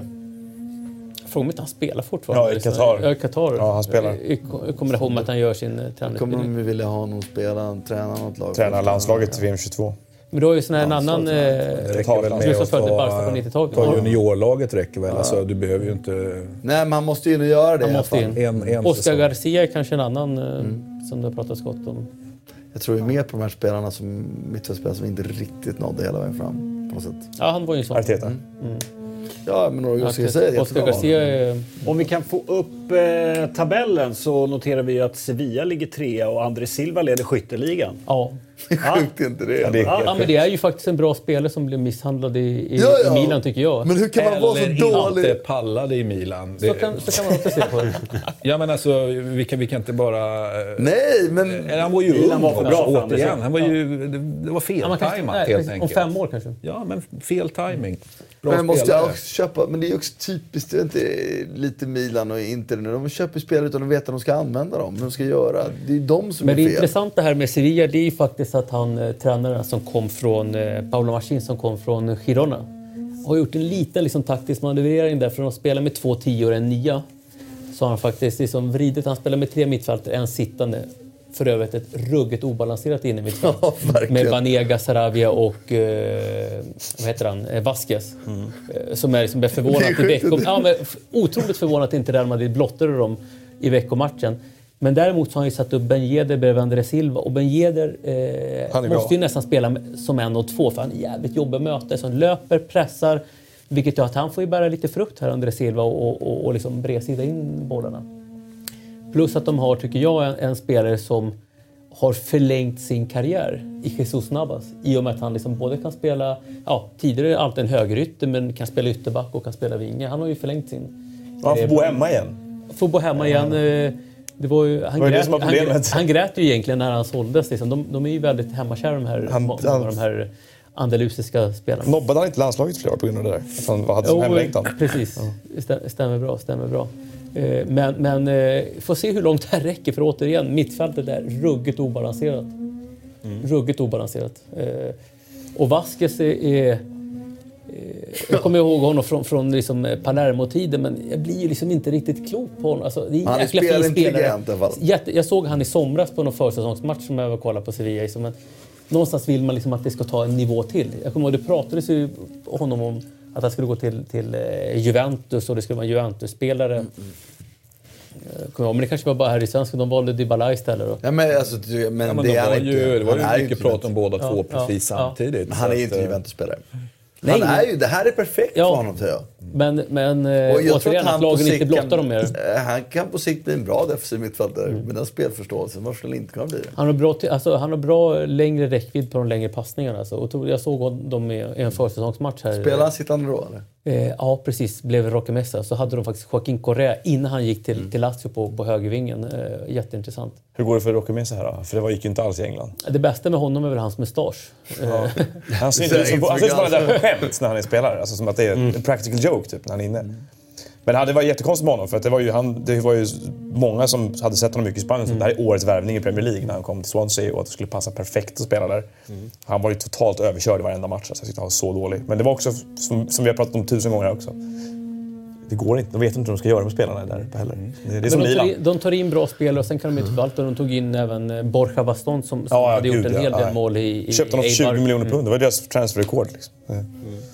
Så att, eh, De trodde att de, jag trodde att de var material. Intressant det här i Sevilla någonstans att cirkeln sluts på något sätt. För eh, han som började egentligen Sevilla-eran lite mer än tio år sedan, Joaquín Caparros, när han tog in, eh, började egentligen med eh, Julio Baptista. Som han egentligen skolade om från balansspelare till, till offensiv mittfältare och han öste in mål innan han gick till Real. Till Real. Eh, och nu är han sportchef. Då. Mäktigt Så att, att, Paolo Machín hade Michael Olunga i Ja. Han fick ratta Han tog inte med sig honom. Tyvärr gjorde han inte det. Michael Nej. stod, eh, stack till Japan istället. behöver inte vara helt fel det heller. Japan är alltid Fick de bra Jag fick bra det. och pengar? Ja, oklart. Eh, vi ska, innan vi rundar av ska vi titta på... Eh, Den här sågen är ligan. aggressiv. vad sa du? Den här sågen är aggressiv alltså. Ja, den är trött på oss. Men det väntar ju Europamatcher i, i veckan. Eh, Champions League och Europa League. Eh, här ser vi ju då... Tauvin leder skytteligan i Frankrike. Eller? Han gjorde inte mål igår. Framförallt ligger fick inget Lill sms bra till. Nej, men jag såg så här, eftersom en sammanställning av alla som leder skytteligorna. Han ledde den i Frankrike och Mitrovic i England. Och vi har springer runt där med Joselu på topp och gör aldrig mål. Och bara så här. Men vi har City som verkligen, eh, det är allvar nu. De måste, den där matchen mot Hoffenheim ska- de inte skoja bort. Och eh, sen har Vadå, vi det är ju inte Tottenham, allvar. Barcelona, Fan, de kan torska den också ändå gå vidare i den här gruppen. Bra Det match. Ja. Och så Tottenham, Bra Barca. match. Manchester United, Valencia blir Ja, den blir också spännande med tanke på vad som står på spel där. Ja. Valencia har ju lite tur som kommer till ett sånt möte. Det kan ju aldrig bli bättre än att möta United just nu. Liksom. Nej, det, Men alltså, förra, förra börjar omgången kändes ju mer eh, ändå. Tottenham-Barcelona och Napoli, det är ju onsdag, det är lite hetare ändå. Liksom. Jag tror United tar den där matchen på fysiken. Alltså. Eh, Det, Ja, de har inte fått det att funka ännu. Nej, men eh, fan, jag vet inte, Valencia. Alltså. Marcelino, jag tycker... Men nu är Kondogbia tillbaka i alla Ja, fall. men Marcelino är så dålig på, på det här med att rotera liksom. Och, och, ja, jag vet inte. Guedes springer i sönder. Ja, om man får lira liksom. Det, tycker, Han kom sent, du får komma ihåg det. Att han kom ju alltså från PSG, vad är det, 27 augusti? Ja. Ja, möjligt. Jag tycker eh, det är en spelare som jag skulle vilja se i Valencia lite mer här som kan, kan skapa lite oro i United, det är väl Batshuayi. Eh, tycker. Med Han bredvid, han får inte bredvid Rodrigo. Nej, inte jättemycket utan det har varit lite mer rotation för att hoppa in och så vidare. Men han kom ju också sent från VM. Det kan vara, och jag tycker där har han kanske liksom överanalyserat det lite kan jag tycka. Liksom. Det, det är många andra spelare i andra klubbar som har varit liksom matchfit mycket tidigare. Liksom. Ja, intressant Batshuayi då, vi pratar om André Silva. För det var ju Sevillas första val va? På, som forward. Mm. Få in Batshuayi och så Stämmer. fimpade de honom. Och han var väldigt sur på det efteråt. Det har ju funkat, fallit ut ganska bra för dem hittills. Härligt hörni. Och ska City kommer kunna FF, förlora den här, eh, och de Malmö kommer FF ska vänta besiktas. Sa du? Malmö FF. De slår ju Besiktas hemma, Ja, gör det? tror jag. Ja, härligt. Då måste vi göra det nu. Besiktas Peppe mot Rosenberg, det blir kul. fr- Främlingsregion Ja, det blir kul. va, besiktas. De har ju knappt någon, någon turkspelare. Det är bara...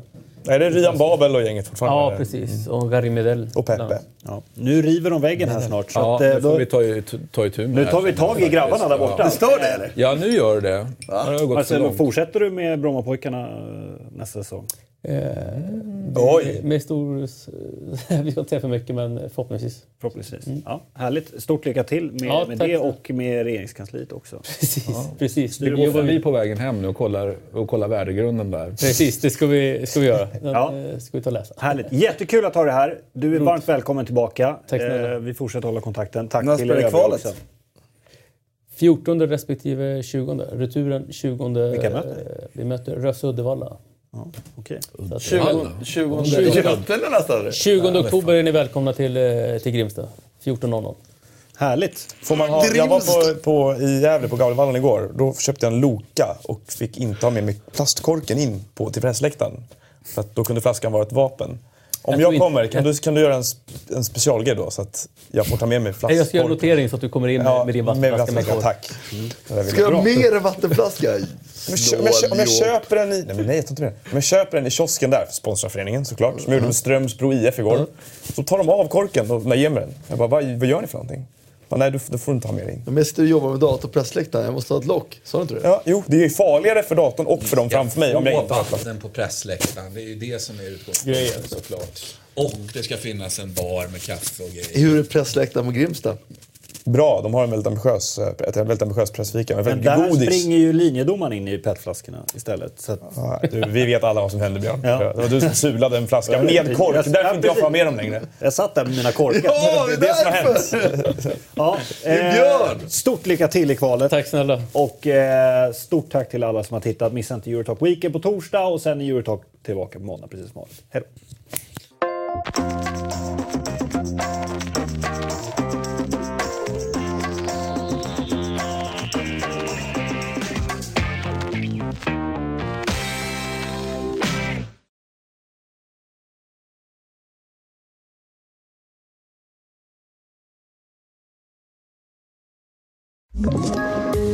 Poddtips från Podplay. I fallen jag aldrig glömmer djupdyker Hasse Aro i arbetet bakom några av Sveriges mest uppseendeväckande brottsutredningar. Går vi in med hemlig telefonavlyssning och, och då upplever vi att vi får en total förändring av hans beteende. Vad är det som händer nu? Vem är det som läcker? Och så säger han att jag är kriminell, jag har varit kriminell i hela mitt liv men att mörda ett barn, där går min gräns. Nya säsongen av Fallen jag aldrig glömmer på Podplay.